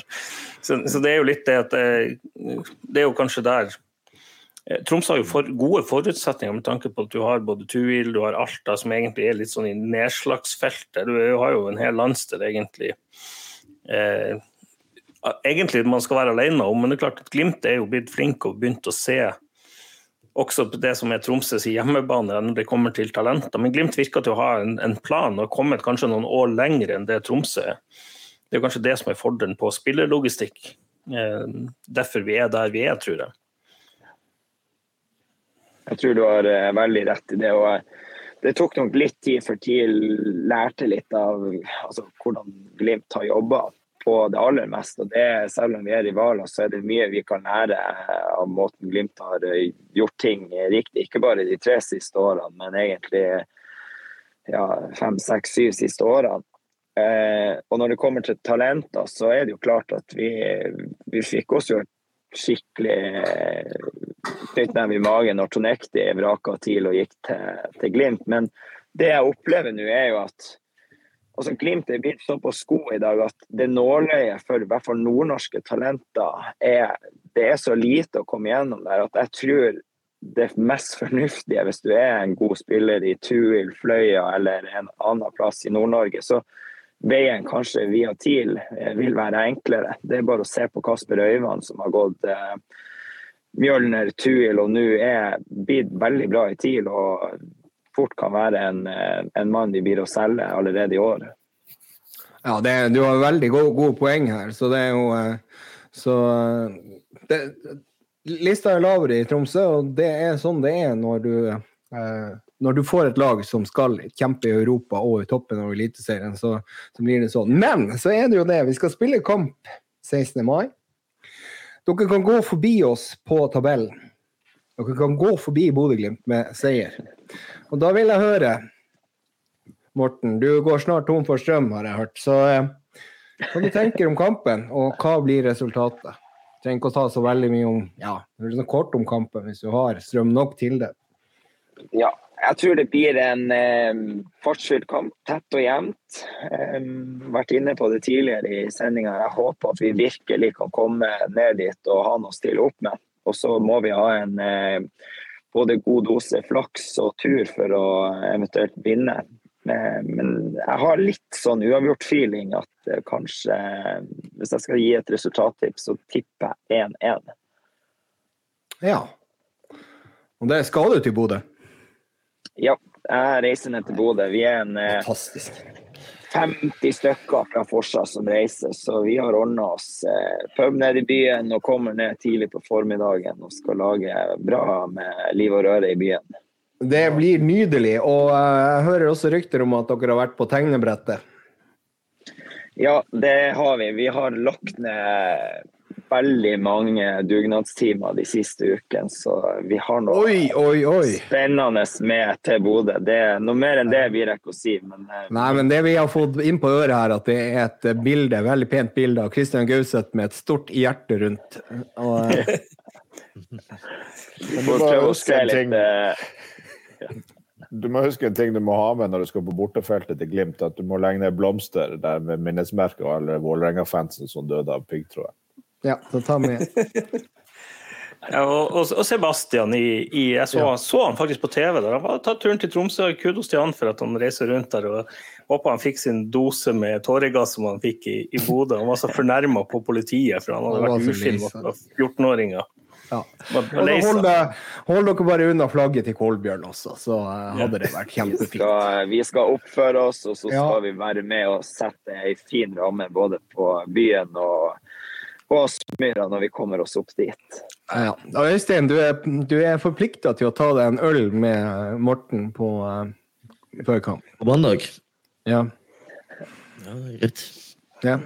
Da har dere da har ordna dere er entusiasme. begge Det, det, to. det er sånn tvangsekteskap. Nei, men jeg skal, jeg skal til Bodø, jeg òg, så det blir, det blir jævlig gøy. Og, og, og, da, og, da, og, da, og da vil vi ha en sånn selfie med dere begge to, der hvor dere tar, det- holder i en mager og, og alt. Og, eh, ja, nei, men det må vi få til. Ja, det må vi få. Dere, det må vi få til. Ja. Ja, men da kan jo dere ordne sånn der eh, livepod rett etter kampen da, sammen. Der skal snakke om følelser, og Morten du får gråte litt og liksom få det ut. Jeg håper jo at Morten Frank gråter. Baris og Vi, jeg, Øystein og jeg inviterer blir det, blir det seier på mandag, så skal jeg invitere dere i den første episoden av Forsapod live fra eh, Bodø lufthavn. Da er dere alle invitert. Ja, men det blir jo helt nydelig. Da, da, vi blir med på det, hvis, hvis det skjer. Det, Hvis det skjer, ja. hvis det skjer, så blir vi med. Det, da, skal, da skal det rentes. ja. Nei, men eh, det er jo fantastisk at du hadde tid til det her rett etter kamp, eh, Morten, komme, og komme til oss. Eh, Og så ønsker vi deg ikke lykke til neste kamp. Jeg vet ikke om dere, har, dere andre har noe Nei, ha en fin tur til Bodø og håper at alt bortsett fra kampen blir en flott opplevelse. Ja. Det, det er vel det vi kan oppsummere med. Når det er sport at du stiller opp, det er litt sånn, så ta oppfordringa og starte en egen supporterpod. Det, vi skal i hvert fall høre på det iblant. da. Det, det er spesielt morsomt når det er tap eh, å høre på. oss.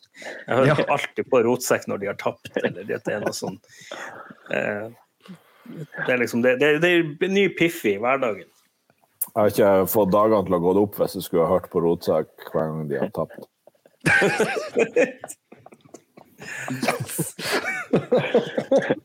ja. Ja, men eh, det har vært, eh, vært veldig trivelig å være med. Det, jeg gleder meg til, til mandag og match. Og så eh, sammen til dere ønsker dere lykke til med, med alt annet enn kampen. Så får vi se hvem som står igjen og smiler bredest når eh, dommeren blåser fløyta. Good stuff. Yes, All right. Ha det bra. der forsvant han. Ja, gutta, hva vi tror om kampen? Nei, altså, jeg har litt uh, bedre følelse enn hva jeg hadde mot uh, Lillestrøm. Um, det er fordi at vi hadde de her eh, ti minuttene på slutten der hvor vi faktisk begynte å vinne ball. Vi begynte å tro, få troa på oss sjøl igjen. Uh, vi har fått tilbake Victor uh, Boniface, og mest sannsynlig så kommer sikkert også Espejord til å komme inn. Det eneste som jeg begynner å lure på, det er jo akkurat den her eh, høyre indreløperplassen, der hvor vi er best forspent. Uh, egentlig i utgangspunktet, og hvem som kommer til å ta den. Um, for der er jo både Anders Konradsen og ja, Anders Konradsen er skada, og så er jo Fet litt usikker. Så jeg, men de mener jo det at Fet er klar. uh, men det har han jo vært før. Uh, uten at han har egentlig vært det.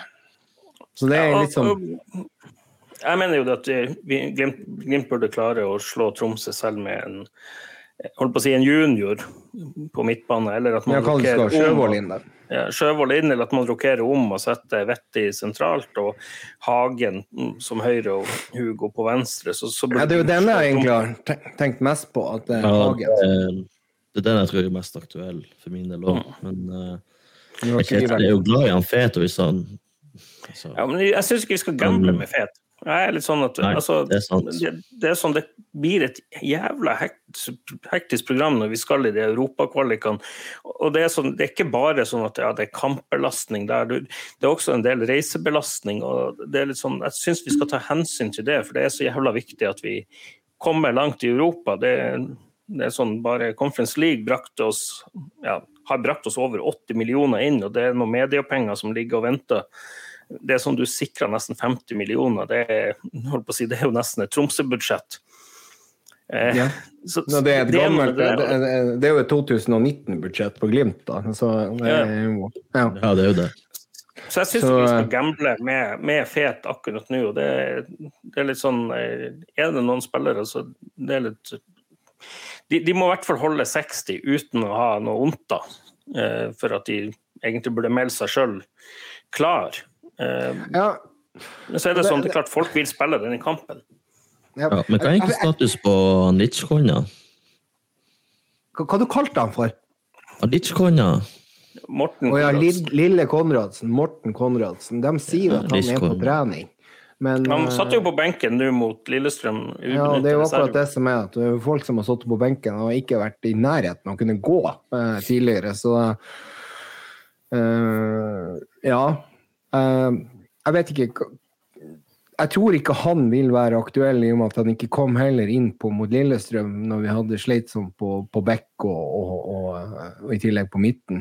Eh, han ville jo sikkert kanskje vært et annet alternativ istedenfor Muka, hvis han hadde vært klar. Eh, hadde de sittet inn på Muka hvis Morten Konradsen hadde vært klar for å spille mot Lillestrøm som indreløper? Men det er litt sånn, Muka har jo en litt annen dimensjon i spillet enn det Konradsen har. Han er har jo litt tempo. eh, Litt mer temposterk. eh, Er jo mer angrepsspiller enn Morten, som er en mer sånn eh, indreløper, back-type. Morten er jo den, kanskje en av de mest allsidige vi har i stallen. Nå som Moberg er gått tilbake til Brann, men, men nei, Et sånn skudd i mørket. Hvis, eh, hvis Daniel Berntsen hadde drevet og spilt for Bodø-Glimt 2 for tida, tror dere han har blitt henta opp til A-laget i den skadesituasjonen vi har nå? nei. Nei, det tror jeg ikke. Det, det, nei. Nei, nei, Glimt er sånn at de har altså den vår måte, det sier vi skal, Det skal følges, den, og det sier litt hvordan man har det. Det er klart, Nå har vi flere som er potensielle eh, førstelagsspillere, eller sånn eh, egentlig burde ha vært på elveren, for de er gode i god nok til, for det til andre eliteserielag. Ja, altså, sant, foran en eventuelt B-spiller så ligger det jo også da eh, han Sjøvold. Sjøvold var jo ekstremt han, han, Som jeg har sagt tidligere i podene, så, så han jo, fikk han jo veldig skryt når de var nede på Barbeia og spilte, eh, av eh, de som sto og så på. Eh, Nå er det jo sånn at, at de yngre spillerne også kanskje har en liten sånn der eh, ja, eh, adrenalinkick når de kommer inn og skal, eh, skal vise seg for, for resten av troppen. Så det kan være det at han, at han var i den kategorien da, i, i, på Marbella. Men jeg tror nok han eh, komme før en sånn eventuell B-spiller som Daniel Berntsen da ville ha vært. Eh, ja, så Nei, men det, det- det er litt til, tilbake til det. Liksom, hvis vi skal ta hva vi tror om laget Haiken er selvfølgelig i mål. ja. Eh, Høyrebacken den er klink. Samsted starter der.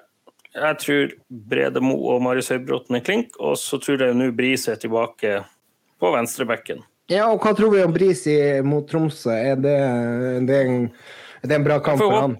Får jo håpe at han Det burde være en bra kamp, for Tromsø de, de kommer til å satse på kontring. og Tromsø har litt tempo, så det, det kan være bra å ha en bris der. Eh, Sørge for å bris, presse de lav. En frisk bris. Jeg får håpe at det Eh, men er frisk pris, for den dårlige den, den, den eh, ja, det, Så, det- så er når, vi har, når vi har midtbane, så tenker jo jeg det at jeg tror at det blir Betty sentralt. Jeg tror vi får eh, Ja, det blir jo Vetlesen på venstre. ja, Vetlesen på venstre og Elias på høyre. Eh, og til Ja. det så vil jeg si at Elias i, han spilte jo i en 4-1-1 når han spilte i Grorud, der han var litt sånn hadde offensiv, mye offensive bidrag den, den vårsesongen. Jeg så en del Grorud-kamper med han der. Og det er jo det at han han har jo evnen til å slå gjennom. Han er jo ikke en klassisk løper, det er han jo ikke. Eh, Men, men han, han kan tilføre noe der. Så Så er det jo hvem vi starter med på høyre, for Solbakken er vel operert, Per Magnus? Ja da, ja, han er jo Han det. Operert. så der, er, der er det vel De sier jo Sørli, da. At det er Sørli som får sjansen og skal slå innlegg på Boniface. Og det tror jeg kanskje kan være en god løsning, sånn sett. Nei, da vil jeg heller ha eh, Komson der. Jeg, jeg syns Komson Han har ikke Han er ikke en sånn som Har ikke visst det jeg egentlig jeg forventa at han kunne vise når han kom, det som han så av han i Brann. Men Komsonen syns jeg har spilt blitt litt bedre og bedre egentlig i de kampene han har spilt. Og så er det at han og Sørli er to helt forskjellige vingtyper. Ja, det mener jeg. Eh, og her trenger vi en som vi litt mer som boksåpner hvis Tromsø kommer i sin 3-5-2. Du trenger en som kan utfordre litt lavt og få hjelp av Samsted. Utfordre litt bredt, mener jeg. Eh, og så er Ja, men- at, ja, Han har ikke den innleggsfoten, men da har du det momentet at du kan bytte inn en Sørli. Ja, og det er jo kanskje også det. Men, men allikevel så føler jeg jo det at uh, Sørli, i hvert fall i mitt hode, så passer Sørli bedre til spisser som Boniface og Lasse Nordås enn han passer f.eks. til Eller til Espejord. Som eh, Ja ja, Espejord er nå pinadø også god på hodet. Men jeg tror vi har Ja, han har det. Så, men eh, der tror jeg egentlig liksom 50-50, da. Eller eh, sånn som vi har sett det, så, så, så tror jeg Knutsen, som han er glad i fet, så er han glad i, i Sørli. Så Nei, nei, jeg vil, jeg vil ha Komson der.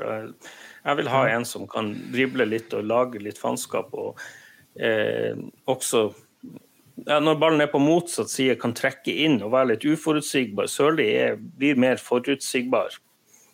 Ja, Eh, da ja, Sørli har det. Ja, Sørli har det der. I fjor så hadde jo Sørli hva var det, fire mål og seks assist. Så han har jo mye målpoeng i seg. Og han har jo eh, teknikk også. Jo da, men, men han har ikke teknikk til å utfordre. Han har ikke fart til det. På samme måte som Komson. De er litt forskjellige. Han har, han har en fantastisk venstrefot. Og det så vi jo når han kom inn både i Lillestrøm i, eh, den eh, kvart, kvarten der. Der, der er mer er mål jeg er uenig i at Sørli. Sørli ikke har fart. da. Ja, ikke så mye fart. Komsone er raskere. der, der er mer mål Kanskje på de første fem, men ikke på toppfart. det vil jeg ikke si. Skal jeg si det en gang til? At det er mer mål i Sørli. Altså, Ja, det, det det, det er det. Uh, og- jeg syns det er mer målpoeng i han. Men, Ja. Men altså, det, der, det der blir sånn 50-50. Og, det, og det, altså bare tilbake ja, til midtbanen, så er det jo det at, at hvis Fete som er eh, 80% frisk, så begynner, starter han, og da blir det Vetlesen på venstre og Fet på høyre, og så blir det Hagen i midten. Så, så bare sånn at vi har den, eh, så ikke vi bommer helt. eh, Det, det er en sånn typisk Knutsen-tanke. Ja. men så, så fremme der er Boniface er tilbake. Jeg tror jo han starta, selv om Espejord Jeg vet ikke status på han. Han satt på benken mot Lillestrøm, men ubenytta. Men hadde jo en kjenning i skuldra, han òg. Eller kjenning. Han traff en kjenning. Det er kjenninger de liker vi ikke. Nei da. Det Jeg tror eh, Jeg tror det er Boniface fra start. Ja, det, de, de sier nå at de må være helt sikre på Espejord. Jeg tror det er riktig også å, å spare han nå, eh, når Boniface er klar. Eh, og så blir det jo da Pellegrino på, på venstre. Men altså, ikke se bort ifra at Espejord skal komme inn, for det har han sikkert jækla lyst til når han skal spille mot TIL. Så det, det er, som dere sier nå, før så kunne vi jo egentlig bare sagt at elveren blir elveren, men nå er det jo veldig mye eh, litt sånn frem og tilbake. Det her er litt uvant, gutter. Og det er det som gjør meg litt usikker på at eh, det her skal skal gå. Men jeg har en mye, mye bedre følelse nå mot Tromsø på mandag enn hva jeg hadde på, på Lillestrøm før søndag. Jeg tippa 1-1. Jeg tror vi vinner mot, eh, mot Tromsø. Jeg tror det. Jeg tror det. Vi tar det. Ganske Jeg tror, greit. tror, tror også vi tar det. Det er litt sånn, det blir viktig å få et hull på byllen her, da. Eh, At ikke Tromsø kan ligge der og frustrere Glimt. Eh, Ja. Nei, men altså, der, er, der, er, der er kvalitetsforskjell på, veldig stor kvalitetsforskjell på de lagene vi har møtt i 3-5-2 eh, tidligere nå. Tromsø har ikke de kvalitetene. Eh, det eneste de kan få til, er De må jo ha da, en ving som springer ut til helsike. Det er ikke helt eh, overbevist over at de eh, eventuelt klarer å gjøre det da, og skape trøbbel. Men ja. Jeg satt og så den andre omgangen i dag, det er Tromsø-Vålerenga. Det er sånn eh, sammendraget der Tromsø har to, to farlige sjanser, egentlig, og det ene blir det mål på. Det, det Jeg syns ikke det ser veldig lyst ut offensivt, men skal vi huske på det at ok, får de rom, så det, kan det være farlig hvis de angriper direkte. Men, men jeg tror det at eh, Sånn som Lillestrøm, de hadde, hadde en plan om å, ta Glimt. De fleste hadde en plan om å ta Glimt når eh, når Glimt egentlig ta de på kontring eller å presse de høyt og så sette de høyt under press sånn at det skjer en feil. Jeg tror ikke Tromsø kommer til å kjøre så aggressivt høyt press. Jeg tror det blir mer sånn at de, de ligger og venter og satser på kontring. Eh, men jeg tror Glimt skal være såpass mye bedre. Det skal være kvalitetsforskjell på det som to års siste seriemester og et lag som var nyopprykka i fjor og var Obos-året for det, og som ja, de berga plassen i fjor, men det som sagt, hadde de ikke gjort de kjøpene de gjorde i sommervinduet, så hadde Tromsø vært i Obos i år òg. Men det må jo også ha en effekt at de har bare to dager mellom kampene, eh, mens Glimt eh, møter freshere. Vi skal jo ikke spille før på mandag. Det må ikke du bli sånn som. Glimt. Ja. Tre dager. Men like fullt, vi har hatt eh, lenge tid. Jeg tenker også at det som bør telle positivt, er jo at eh, nå har de fått vært litt, bortsett fra denne drakten, da, så hadde det vært litt ro rundt Glimt i det siste. og ja, men den drakten, hva faen? Nei, nei. Eh, bare. Men altså, det har vært litt ro rundt Glimt. Vi er ferdig med Europa, vi er ferdig med cupen. Nå er liksom ting fått landa litt, og nå skal vi konsentrere oss om serien. Um, så jeg tror at eh, kanskje mentalt så er hele klubben på en litt annen plass enn de var for, for to uker siden. Ja, jo, men så skal vi jo ikke glemme det at Glimt, Glimt har vært på sitt beste når det har vært ekstremt tett. Ja, bortsett fra cupfinalen, da. Jo da, men cupfinalen hadde de ei uke pause for. Og det, det er sånn, Glimt er på sitt beste når de nesten spiller kamp, eh, to, sånn kamp søndag, to, torsdag, søndag. Eh, så det var jo sånn, Høstsesongen i fjor var jo ekstremt tøft, men vi, ja, vi hadde jo et fryktelig god strike på, strike på ubeseira kamper. Ja, nei men altså, snart det, det er litt sånn som Jørn sier, det har ikke vært noe, noe trøkk nå. Jeg håper nå det at hodene er på plass, og at man ikke har det her eh, hengende over seg, den der eh, ekle følelsen som har vært de siste, siste ukene. Så, eh, og media og Gauseth, og de har jo roa seg betraktelig ned, så det er jo, det er jo også fint. Uh, uten at jeg har fulgt noe med på Christian Gauseth. Det, det har jeg faktisk ikke. Jeg har hørt han kommenterte Viking uh, Strømskose. Det gjorde han. Jeg var og så siste fotballkampen hans. Ja, det var jeg òg. Jeg, jeg storma banen idet han la opp. Ja, det Er det derfor han er så bitter? Ja, ja. Det vel det det er vel der det, der det Han, ligger. Eh, han burde lære heller han eh, Vegard Hansen hvordan du takler nederlag. Nå har jeg vært og sett litt på den drakten til Glimt eh, kontra TIL sin. Bare sånn at vi tar den, eh, bare for å gni den litt. Glimt sin er jo vakker. TIL sin er jo ja, det fint. Altså, Likens. Den er ikke likens, den er ikke det. det er, de er ganske like. Jeg, skal, jeg skal ærlig innrømme at de er ganske like.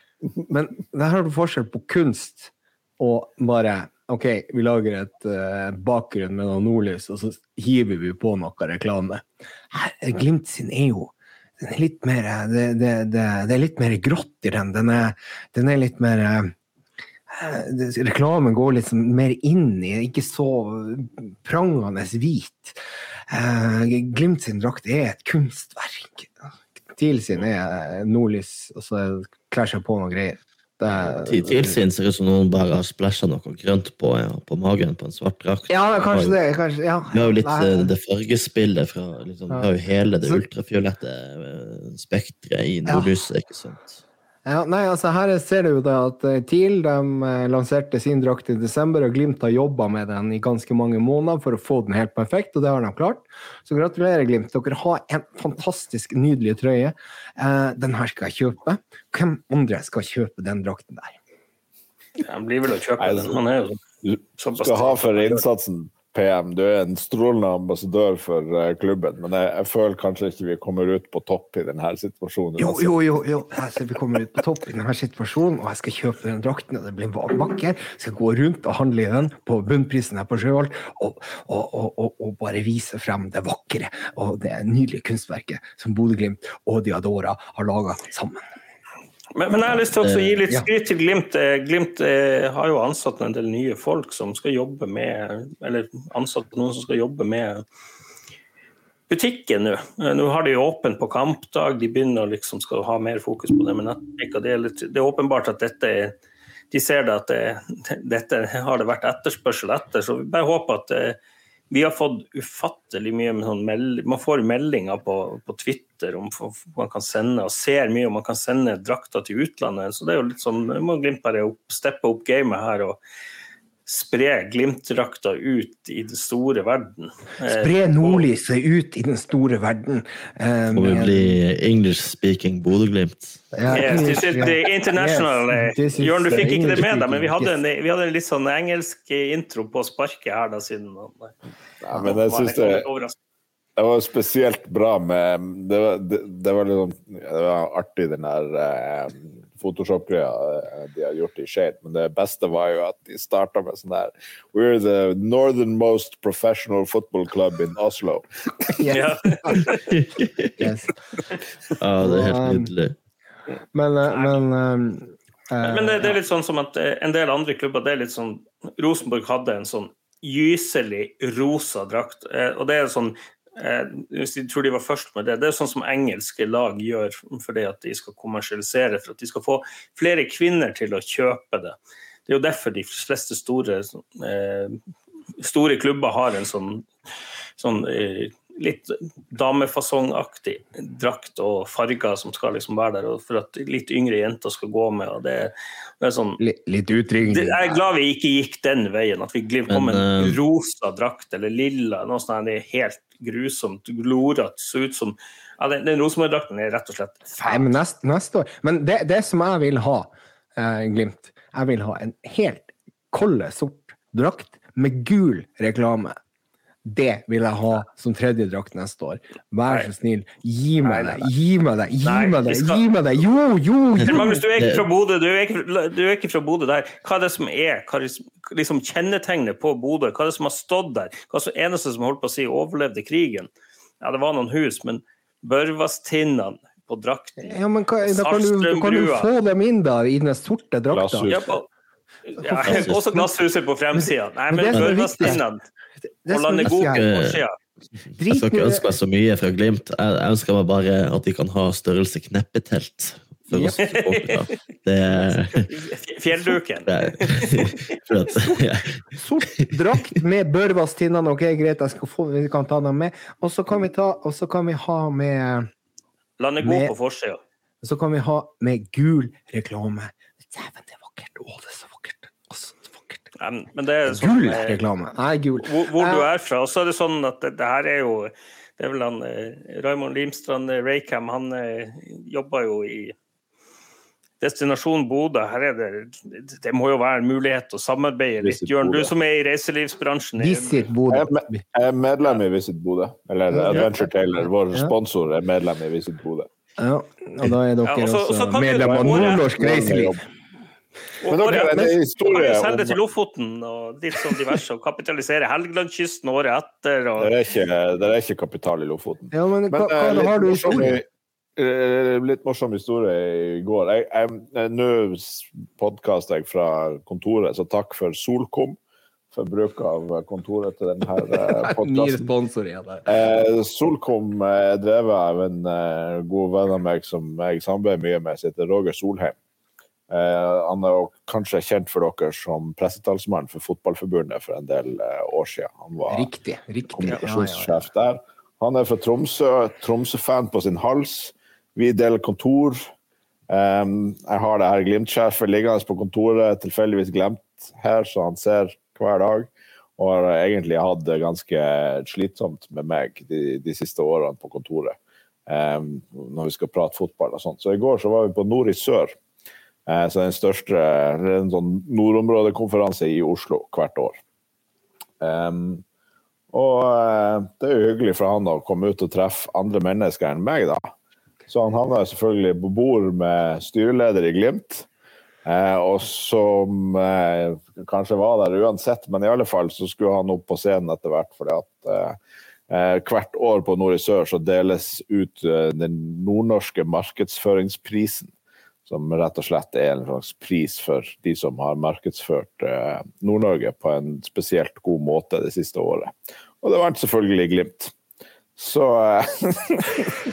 Fantastisk. så var det Ja, det, det var eh, Det ble veldig mye glimt også på han eh, stakkars Roger eh, når vi var på konferanse sammen i går òg. Så eh, han slipper ikke unna uansett hvor han går. Da blir det jo den 18.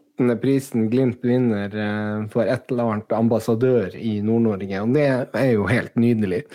Men eh, Jørn, når du, når du er i monitor her, hva, hva du tenker om kampen? For vi må begynne å avrunde snart. Nå skal jeg faktisk si det. Jeg drikker øl under denne podkasten, så jeg har det ikke travelt med Du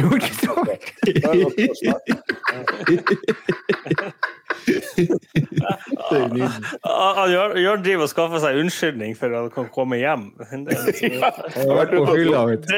Drikke seg opp. Så. Han har vært på fylla, han har ikke vært og podda. Da får han klapp på skuldra igjen. Ja, men eh, Ja, du har vin, du. Ja, men så bra. Okay. Nei, altså hva jeg tror om kampen? Jeg er veldig whisky er jo ikke noe vin. Ja, så der, ja. Fint skal det være. Drikk av eh, Nei, jeg er nervøs. Jeg føler at det her er litt sånn vannskille. Hvor går denne uh, sesongen? Vi har så positive tendenser mot slutten av forrige kamp. Eh, er det her nå når vi kommer tilbake på hesten og, og finner oss sjøl igjen og, og stormer videre fra seier til seier, eller får vi oss en ny på trynet og Tromsø um, havner over oss på tabellen? Selv om det skulle være midlertidig, så er det noe som er vanskelig å leve med, selv i korte perioder. Ja, det det. Så, eh, så jeg er veldig nervøs. Det blir en spennende kamp, men vi kan jo glede oss over at eh, det er jo morsomt, da. 16. mai, fotballfest, og så er det skikkelig spenning om hvordan kampen går.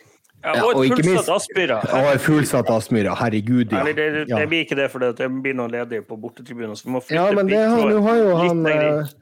Morten han har lova 50. Hvor mange tar det der eh, bortefeltet, egentlig? 400. 400. Oi, det var, det var såpass, ja. Så, men, men likevel, det, eh, det, det, det Øystein, du er heldig som skal dit. De misunner det nå inn i granskauen. Det er liksom fullsatt. Ja, inn i granskauen. Innst inn i granskauen. Vi har det- det- eksplisitt Det kan lov å si andre ord òg. Ja, men det, Ja, det, dette det blir helt det blir rått. Altså, det er noe fullsatt fullsatt og Spillerne de er, håper de, de er tent, og ikke så tent at de gjør hodeløse ting, men at dette også er Ja, men altså, ting som blir hodeløst, det blir nå i hvert fall hvis vi taper. Eller hvis vi ikke vinner. Eh, og da er det som Jørn sier, det blir et veiskille, det blir et vannskille, det blir et helvete. Eh, og, og da er det sånn at ved uavgjort så blir vi å holde Tromsø bak oss på tabellen, men, men eh, ved tap så begynner det å blinke noe så inn i Ja, du kan si granskauen, da. Eh, og det vil jeg ikke oppleve. Men jeg tror jo ikke det. Vi, vi taper Ja, er- Vi har tapt én kamp på, på to- to og et halvt år på Aspmyra. Det er- Eller tre år snart. Eh, og det, det er litt sånn, I hvert fall to og et halvt år. og Det var mot Molde i fjor, så spilte vi uavgjort mot Lillestrøm. Ellers så er det sånn at vi taper ikke på hjemmebane mot Tromsø. Det går faen ikke an. mot uh, Legia. Ja, men det teller ikke i serien. Legia ikke Tromsø. det. Men, men allikevel, så hva gjør den? Hva du tipper som resultat der, da? Hvis du tar eh, resultatet, da, eh, på, på, på, på alle fire her. Jeg, jeg håper på en fest med masse mål, og at Glimt vinner solid og, og sånn, men eh, jeg vet ikke. Sånn, sånn som Glimt har sett ut i det siste, med, med skadene og sånn, så kan det jo fort bli en sånn Badou-kamp. eh, At det blir 1-0. Release Bonnie Faced, Bonnie Beast. Ja, han må jo komme inn nå og putte tre. Jeg, jeg, som sagt, jeg tror det blir 4-1. Jeg har vel tippa 5-1 de siste hjemmekampene, så var gjør det denne gangen òg. Skal du, begynne, skal du fortsette med det? 5-1. Ja, Fikk- Traff du på Vålerenga, da? Det var vel 5-0, eller Det var 5-1, jeg tror ikke det. 5-1. 5-1. Jeg vet ikke om jeg tippa 5-1, da, men jeg tippa 5-1 mot Lillestrøm. Ja, den skåra på straffe, stemmer det. Det, det var Nei, 5-1. apropos eh, fem mål, vet dere hvem som har skåra fem mål i dag? Nei, Søndag. søndag. Ja. Nei, Nei vår podkastvenn Trond Olsen har skåra fem mål i 5-3-seieren borte mot Tverlandet. Han, han har det der med å skåre som femrik. Han har gjort det Ja. før. Ja. Det er, eh, Trond, det her er steike bra. ja, det er imponerende. Det er, kanskje vi skal er- sette på istedenfor Muka. Eh, Ja. Vi, Trond er jo åpenbart i form også, da, så det er jo Men eh, OK, greit. eh, Dere sier eh, Jeg, jeg hadde sånn 4-1-følelse. Jeg skal si akkurat samme som Bjørn Einar. 4-1. Skal vi være enige. Eh, Og må også skryte at jeg hadde rett sist, og det var jo jækla trist, men jeg hadde rett på 1-1, og så har jeg jo truffet på 2-2 mot uh, Aset Alkmaar, så, så jeg føler ikke jeg ikke, ikke helt elendig på det tippinga. Eh, så så vi, vi satser på at jeg og Bjørn Einar får rett denne gangen. Og så kan vi jo få Øystein, altså det siste målet på overtid, 5-1. Eh, så kan Øystein få retten en gang, han også, kanskje. Men så har det vært spilt to kamper i dag, og vi var nå innom uh, TIL sin seier mot, mot uh, Vålerengen. Og så er det jo da spilt kamp i Stavanger. uh, og der har jo Strømsgodset uh, gjort det nydelig. De har faktisk spilt 0-0 mot Viking. Det her Jeg satt jo og så litt på den kampen her, og det var jo det var et stygt spill igjen. Det var, det var mye albuer. Og det var nå egentlig begge lag, men jeg tipper at eh, Viking har kjørt eh, knallhardt på i første omgang og vært eh, stygg. Men det var noen taklinger der og etterslengere og litt sånn her etter at blant annet han Viking, nei, Strømsgodset-keeperen hadde tatt ballen, så var det en av vikingspillerne som var borte og og, og rett og slett dytta han ned eh, og gjorde noen skitne triks. I tillegg så eh, var Felt O ute med å kaste litt greier på banen. Så det var, det var høy temperatur, og Viking virker ikke fornøyd. Og, eh, og men det som irriterer meg litt over den kampen, er at Strømsgodset hadde ekstremt store rom for å kontre. At de tok ikke de ballene. De var for sliten til å ta det. Fred Friday hadde mange muligheter til å bryte der. Så Strømsgodset Der kunne dere vunnet. Eh, det irriterer meg litt. Ja, men Så- eh, Tar 0-0. tar 0-0. Det, Det er greit, det. det, det er godkjent, det. Det er godkjent, det. Jo, men, men det er litt sånn som jeg, jeg sa det før sesongen. Viking kommer til å kanskje være der oppe, men, men de er ikke stabile nok fordi at de, de kommer ikke til å vinne så alle kampene. De kommer til å bli, hvis de vil ta seriegull, så er det fordi at det er noen av de andre feiler. Det er ikke fordi at de, de kommer til å ta 75 poeng. Ja. Eller, de, de kommer ikke til å gjøre det, være så dominant. ikke sant? At de, de gjør det, for at Statistisk så er det sånn at Viking de, de så det nå, de samme i fjor, de tapte mot Tromsø. Eh, og det, de tapte borte mot Odd. Når de skal dominere kamper, så blir det rom. og Hvis du har noen smarte Møte dem på dem, litt andre premisser. Og Det er litt sånn som jeg syns Glimt kanskje gjorde litt feil der. At de, de ikke torde å slippe seg ned i bortekampen. Og det samme liksom, Vi så det jo i første omgang på Aspmyra i cupkampen, at vi kjørte over dem. Det, det, så jeg tror jo ikke Viking blir å De kommer til å være der oppe, kanskje i medaljejakten, men de kommer ikke til å ta noe seriegull. og det Ja, men hvis du ser på de De lagene De ligger foran Glimt, men det er ikke, det er ikke kjempe imponerende. Vinner er vi de to hengekampene, så er vi to poeng bak bare. Så det, det er ikke noe stress. Ja. Ja, det, altså det er jo kanskje litt stress, da, men allikevel så er det jo det at, at Viking de satser jo på ikke sant? De står jo bedre mot et lag som Glimt, som, eh, som presser på og sånn. Og det, de får problemer mot Strømsgodset i forhold til at de står så lavt som de gjør. Så de, eh, de sliter litt med, med eget spill, eh, dem også. Og da er det jo liksom spørsmålet hvem er liksom de toppkandidatene for gull i år? Eh, er Viking den I media så har de jo blitt hausa frem nå som kanskje den heteste kandidaten til å ta gull, i og med at Molde også har rippa litt. grann. Eh, hva dere tenker dere om det? kamper. Ti kamper. Det er, det er så tidlig. Altså, det er sånn at Rosenborg, som ligger hakket over kvalik, og Odd, Rosenborg, Odd, Sandefjord og HamKam har alle seks poeng. Eh, Odd ligger på kvalik på dårligere målforskjell.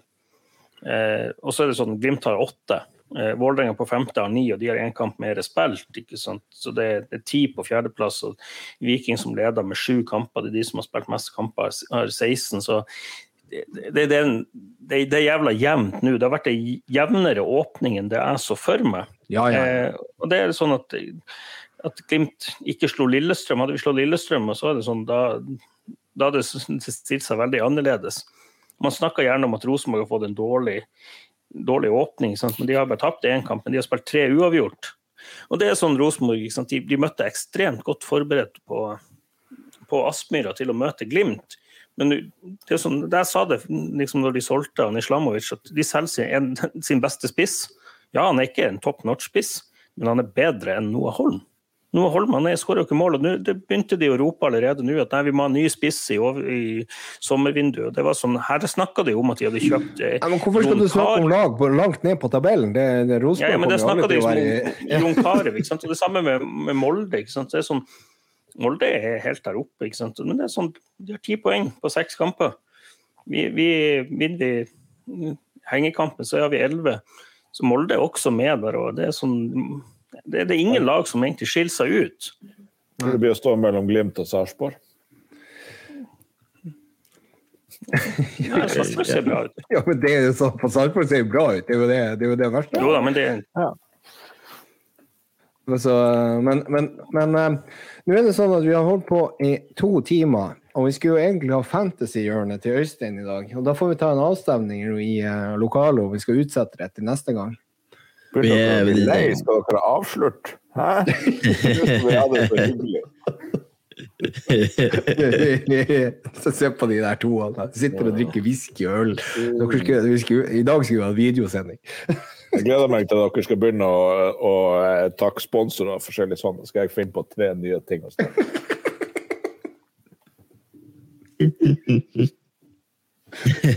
Hva, er, du, er du bitter for at vi alltid finner masse å prate om når du skal begynne? Nei da, det er bare Nå, nå skal noen andre få ta jobben. Ja. ja, men eh, Øystein, skal vi ta kjapt om fantasy, eller skal vi ikke? Skal vi, skal vi la folk henge litt i stroppen til neste sending? Vi lar folk henge litt. Det er jo bare å spille to kamper i dag. Det er ikke noe. Ja, men eh, du var jo ikke med sist runde heller, så det var jo, det var jo en Nei, avgjørelse. nei, nei, nei da, men det er Ok, kan du, si, kan du bare si sånn kort hvem som leder? Nei, det er ikke oss, det kan jeg fortelle. Ja, er det Frank? Jeg var jo, jeg var jo på utdrikningslag i, i Oslo i stedet for å oppdatere fantasy-laget. Så alt det her dobbel runde og spissrush og faen Ja, du bruker det som unnskyldning hver gang. Ja, Det er ja, greit, men det er greit. Hvem som leder? Kan du si hvem som leder? den som leder oh, Vi har datt langt ned. Det, det er Barcelona som leder. Barcelona med Rikard. På andreplass Eh, Baris Power. ja, det er han Frank. Mm. Tredje, tredjeplassen. da. Ville. Lille Trondheim. Lechtines på tredjeplass. Ja, men det er helt nydelig. Og da, og da lar vi det henge resten til neste gang. Og så ser Ja. vi hva slags utvikling vi har hatt på de her fantasy-lagene. Men da, eh, da tror jeg, Jørn, du kan få lov å kjøre Du har jo sittet og brent inne med et avslutningsinnlegg her. eh, eh. Har du det? Ja, altså, det er egentlig en ganske lang historie. Vi må begynne med barndommen min i Gravemarka. Der, der det selvfølgelig var Kåt, kåt værmark. Kottværmark, ja.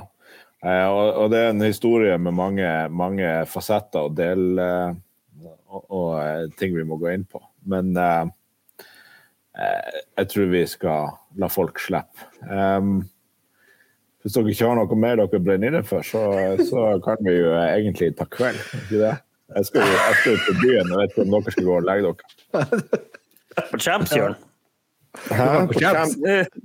Jeg skal faktisk på, eh, på Eilifs landhandleri. Altså, Noen andre nordlendinger i Oslo-bygda. Ja, men ikke det der det er litt sånn Ja, det, det, det er jo Champs for siste, siste øla før du toget, siste Nei. Nei, nei, nei. Siste, siste det er alltid på Per på hjørnet. Det er, dit går du hvis du ikke kommer inn noe annet sted i byen. Det høres ut som en veldig spesialisert kompetanse du har utvikla, Øystein. Veldig, jeg, var, jeg var der to ganger i helga som var. Eh, og det, er- det er i samme kvartalet som, som Eilif. Så du går ut av Eilif og så til høyre, forbi Londons der, så kommer du til Så, så etter at du har liksom eh, sovet på gulvet på dassen på Champ, så går du på Pers på hjørnet? Yes, stemmer det. Okay. Og, det, og, det, og den, puben er så, den puben er så brun at han er svart. Ja. ja. jeg, jeg tenker vi skal ha en liten kollokvie, og så kan du få utvikle et sånn der eh, guidekonsept. Sånn byguiding for eh, Lysløypa for nordlending. fedre som Ja. er akkurat kommet ut av pappaperm, eller noe sånt. Ja. Så, eh, Og hvis du går ut av hjørnet fra Hvis du går ut av hjørnet på, på Eilifs, av, så kan du gå over gata, altså litt ned og oppover mot eh, Slottet. Bare rett over gata, så det er egentlig samme gata. Så finner du Mulligans, irsk pub. Ofte livemusikk. Bra der òg. ja, men der, der slipper du ikke inn. Nei, nei. Ja, jo, ba- ba- basert på helga så slipper man inn der òg. Men det Ja. Det, det har jeg vært borti før. Det, det var etter den supportercupen vi hadde. Da slapp jeg ikke inn. Ikke, nei, jeg skulle ikke slippe inn. Uh, men uh, jeg hadde, hadde jo til og med Arne Jonny med meg fra Isberg, og han, han skulle bare drikke Pepsi. Han slapp heller ikke inn. Så nei, det her eh, Ja, Kanskje hvis du hadde tatt på deg noe på overkropp? det er mulig. Ja, og underkroppen òg. Ja. det er det ting å sette fingeren på. Nei, Men um, vi må vel begynne å tenke på å lande og runde av. Jeg syns det var veldig, veldig sporty av Morten å stille opp. Det er jo alltid hyggelig med gjester fra andre lag der man kan diskutere litt og lære litt. Eh, som vi sa, vi utfordra jo Forsa Tromsø og tromsingene til å, til å starte en egen podkast som vi kan høre på, spesielt når de taper. Det, det blir jo sikkert en del ganger, da, så det spørs om vi har tid til det. Jeg gleder meg til å gi de, jeg gleder meg til å gi de feedback på lyden på Twitter. Ja. Det skal bli Ja, min det er mye lyd. Uh, men feedback på lyd. Ja, men det er deilig, det. Uh, kan du ta sponsorer for uh, Ja, vi må vel si Venn? Webium, eh, Webium for Webium. produksjon. Webium? Webium. Ikke- Webium. World Wide Web, sant? Det Ja. web. Web. Webium. Ja, internett. Internett. Eh, Um. Nei, web, Ja, med Webium. elektrisk kommunikasjon å gjøre. Ja. Og for produ- hjelpe produksjonen Får vi se om vi får den eh, introsangen, så må vi vel takke dem for de som har bidratt der. Det er vel glimt i steigen. Vi håper den kommer med på introen. Og så må vi jo takke Adventure Taylor som sponsor. Det setter vi veldig pris på at vi får lov til å sitte og prate skit i to timer. Og takk Ja, det- igjen takk til Morten som Ad var med. Adventure Taylor skal hente inn de pengene når han Øystein begynner med byguiding i Oslo.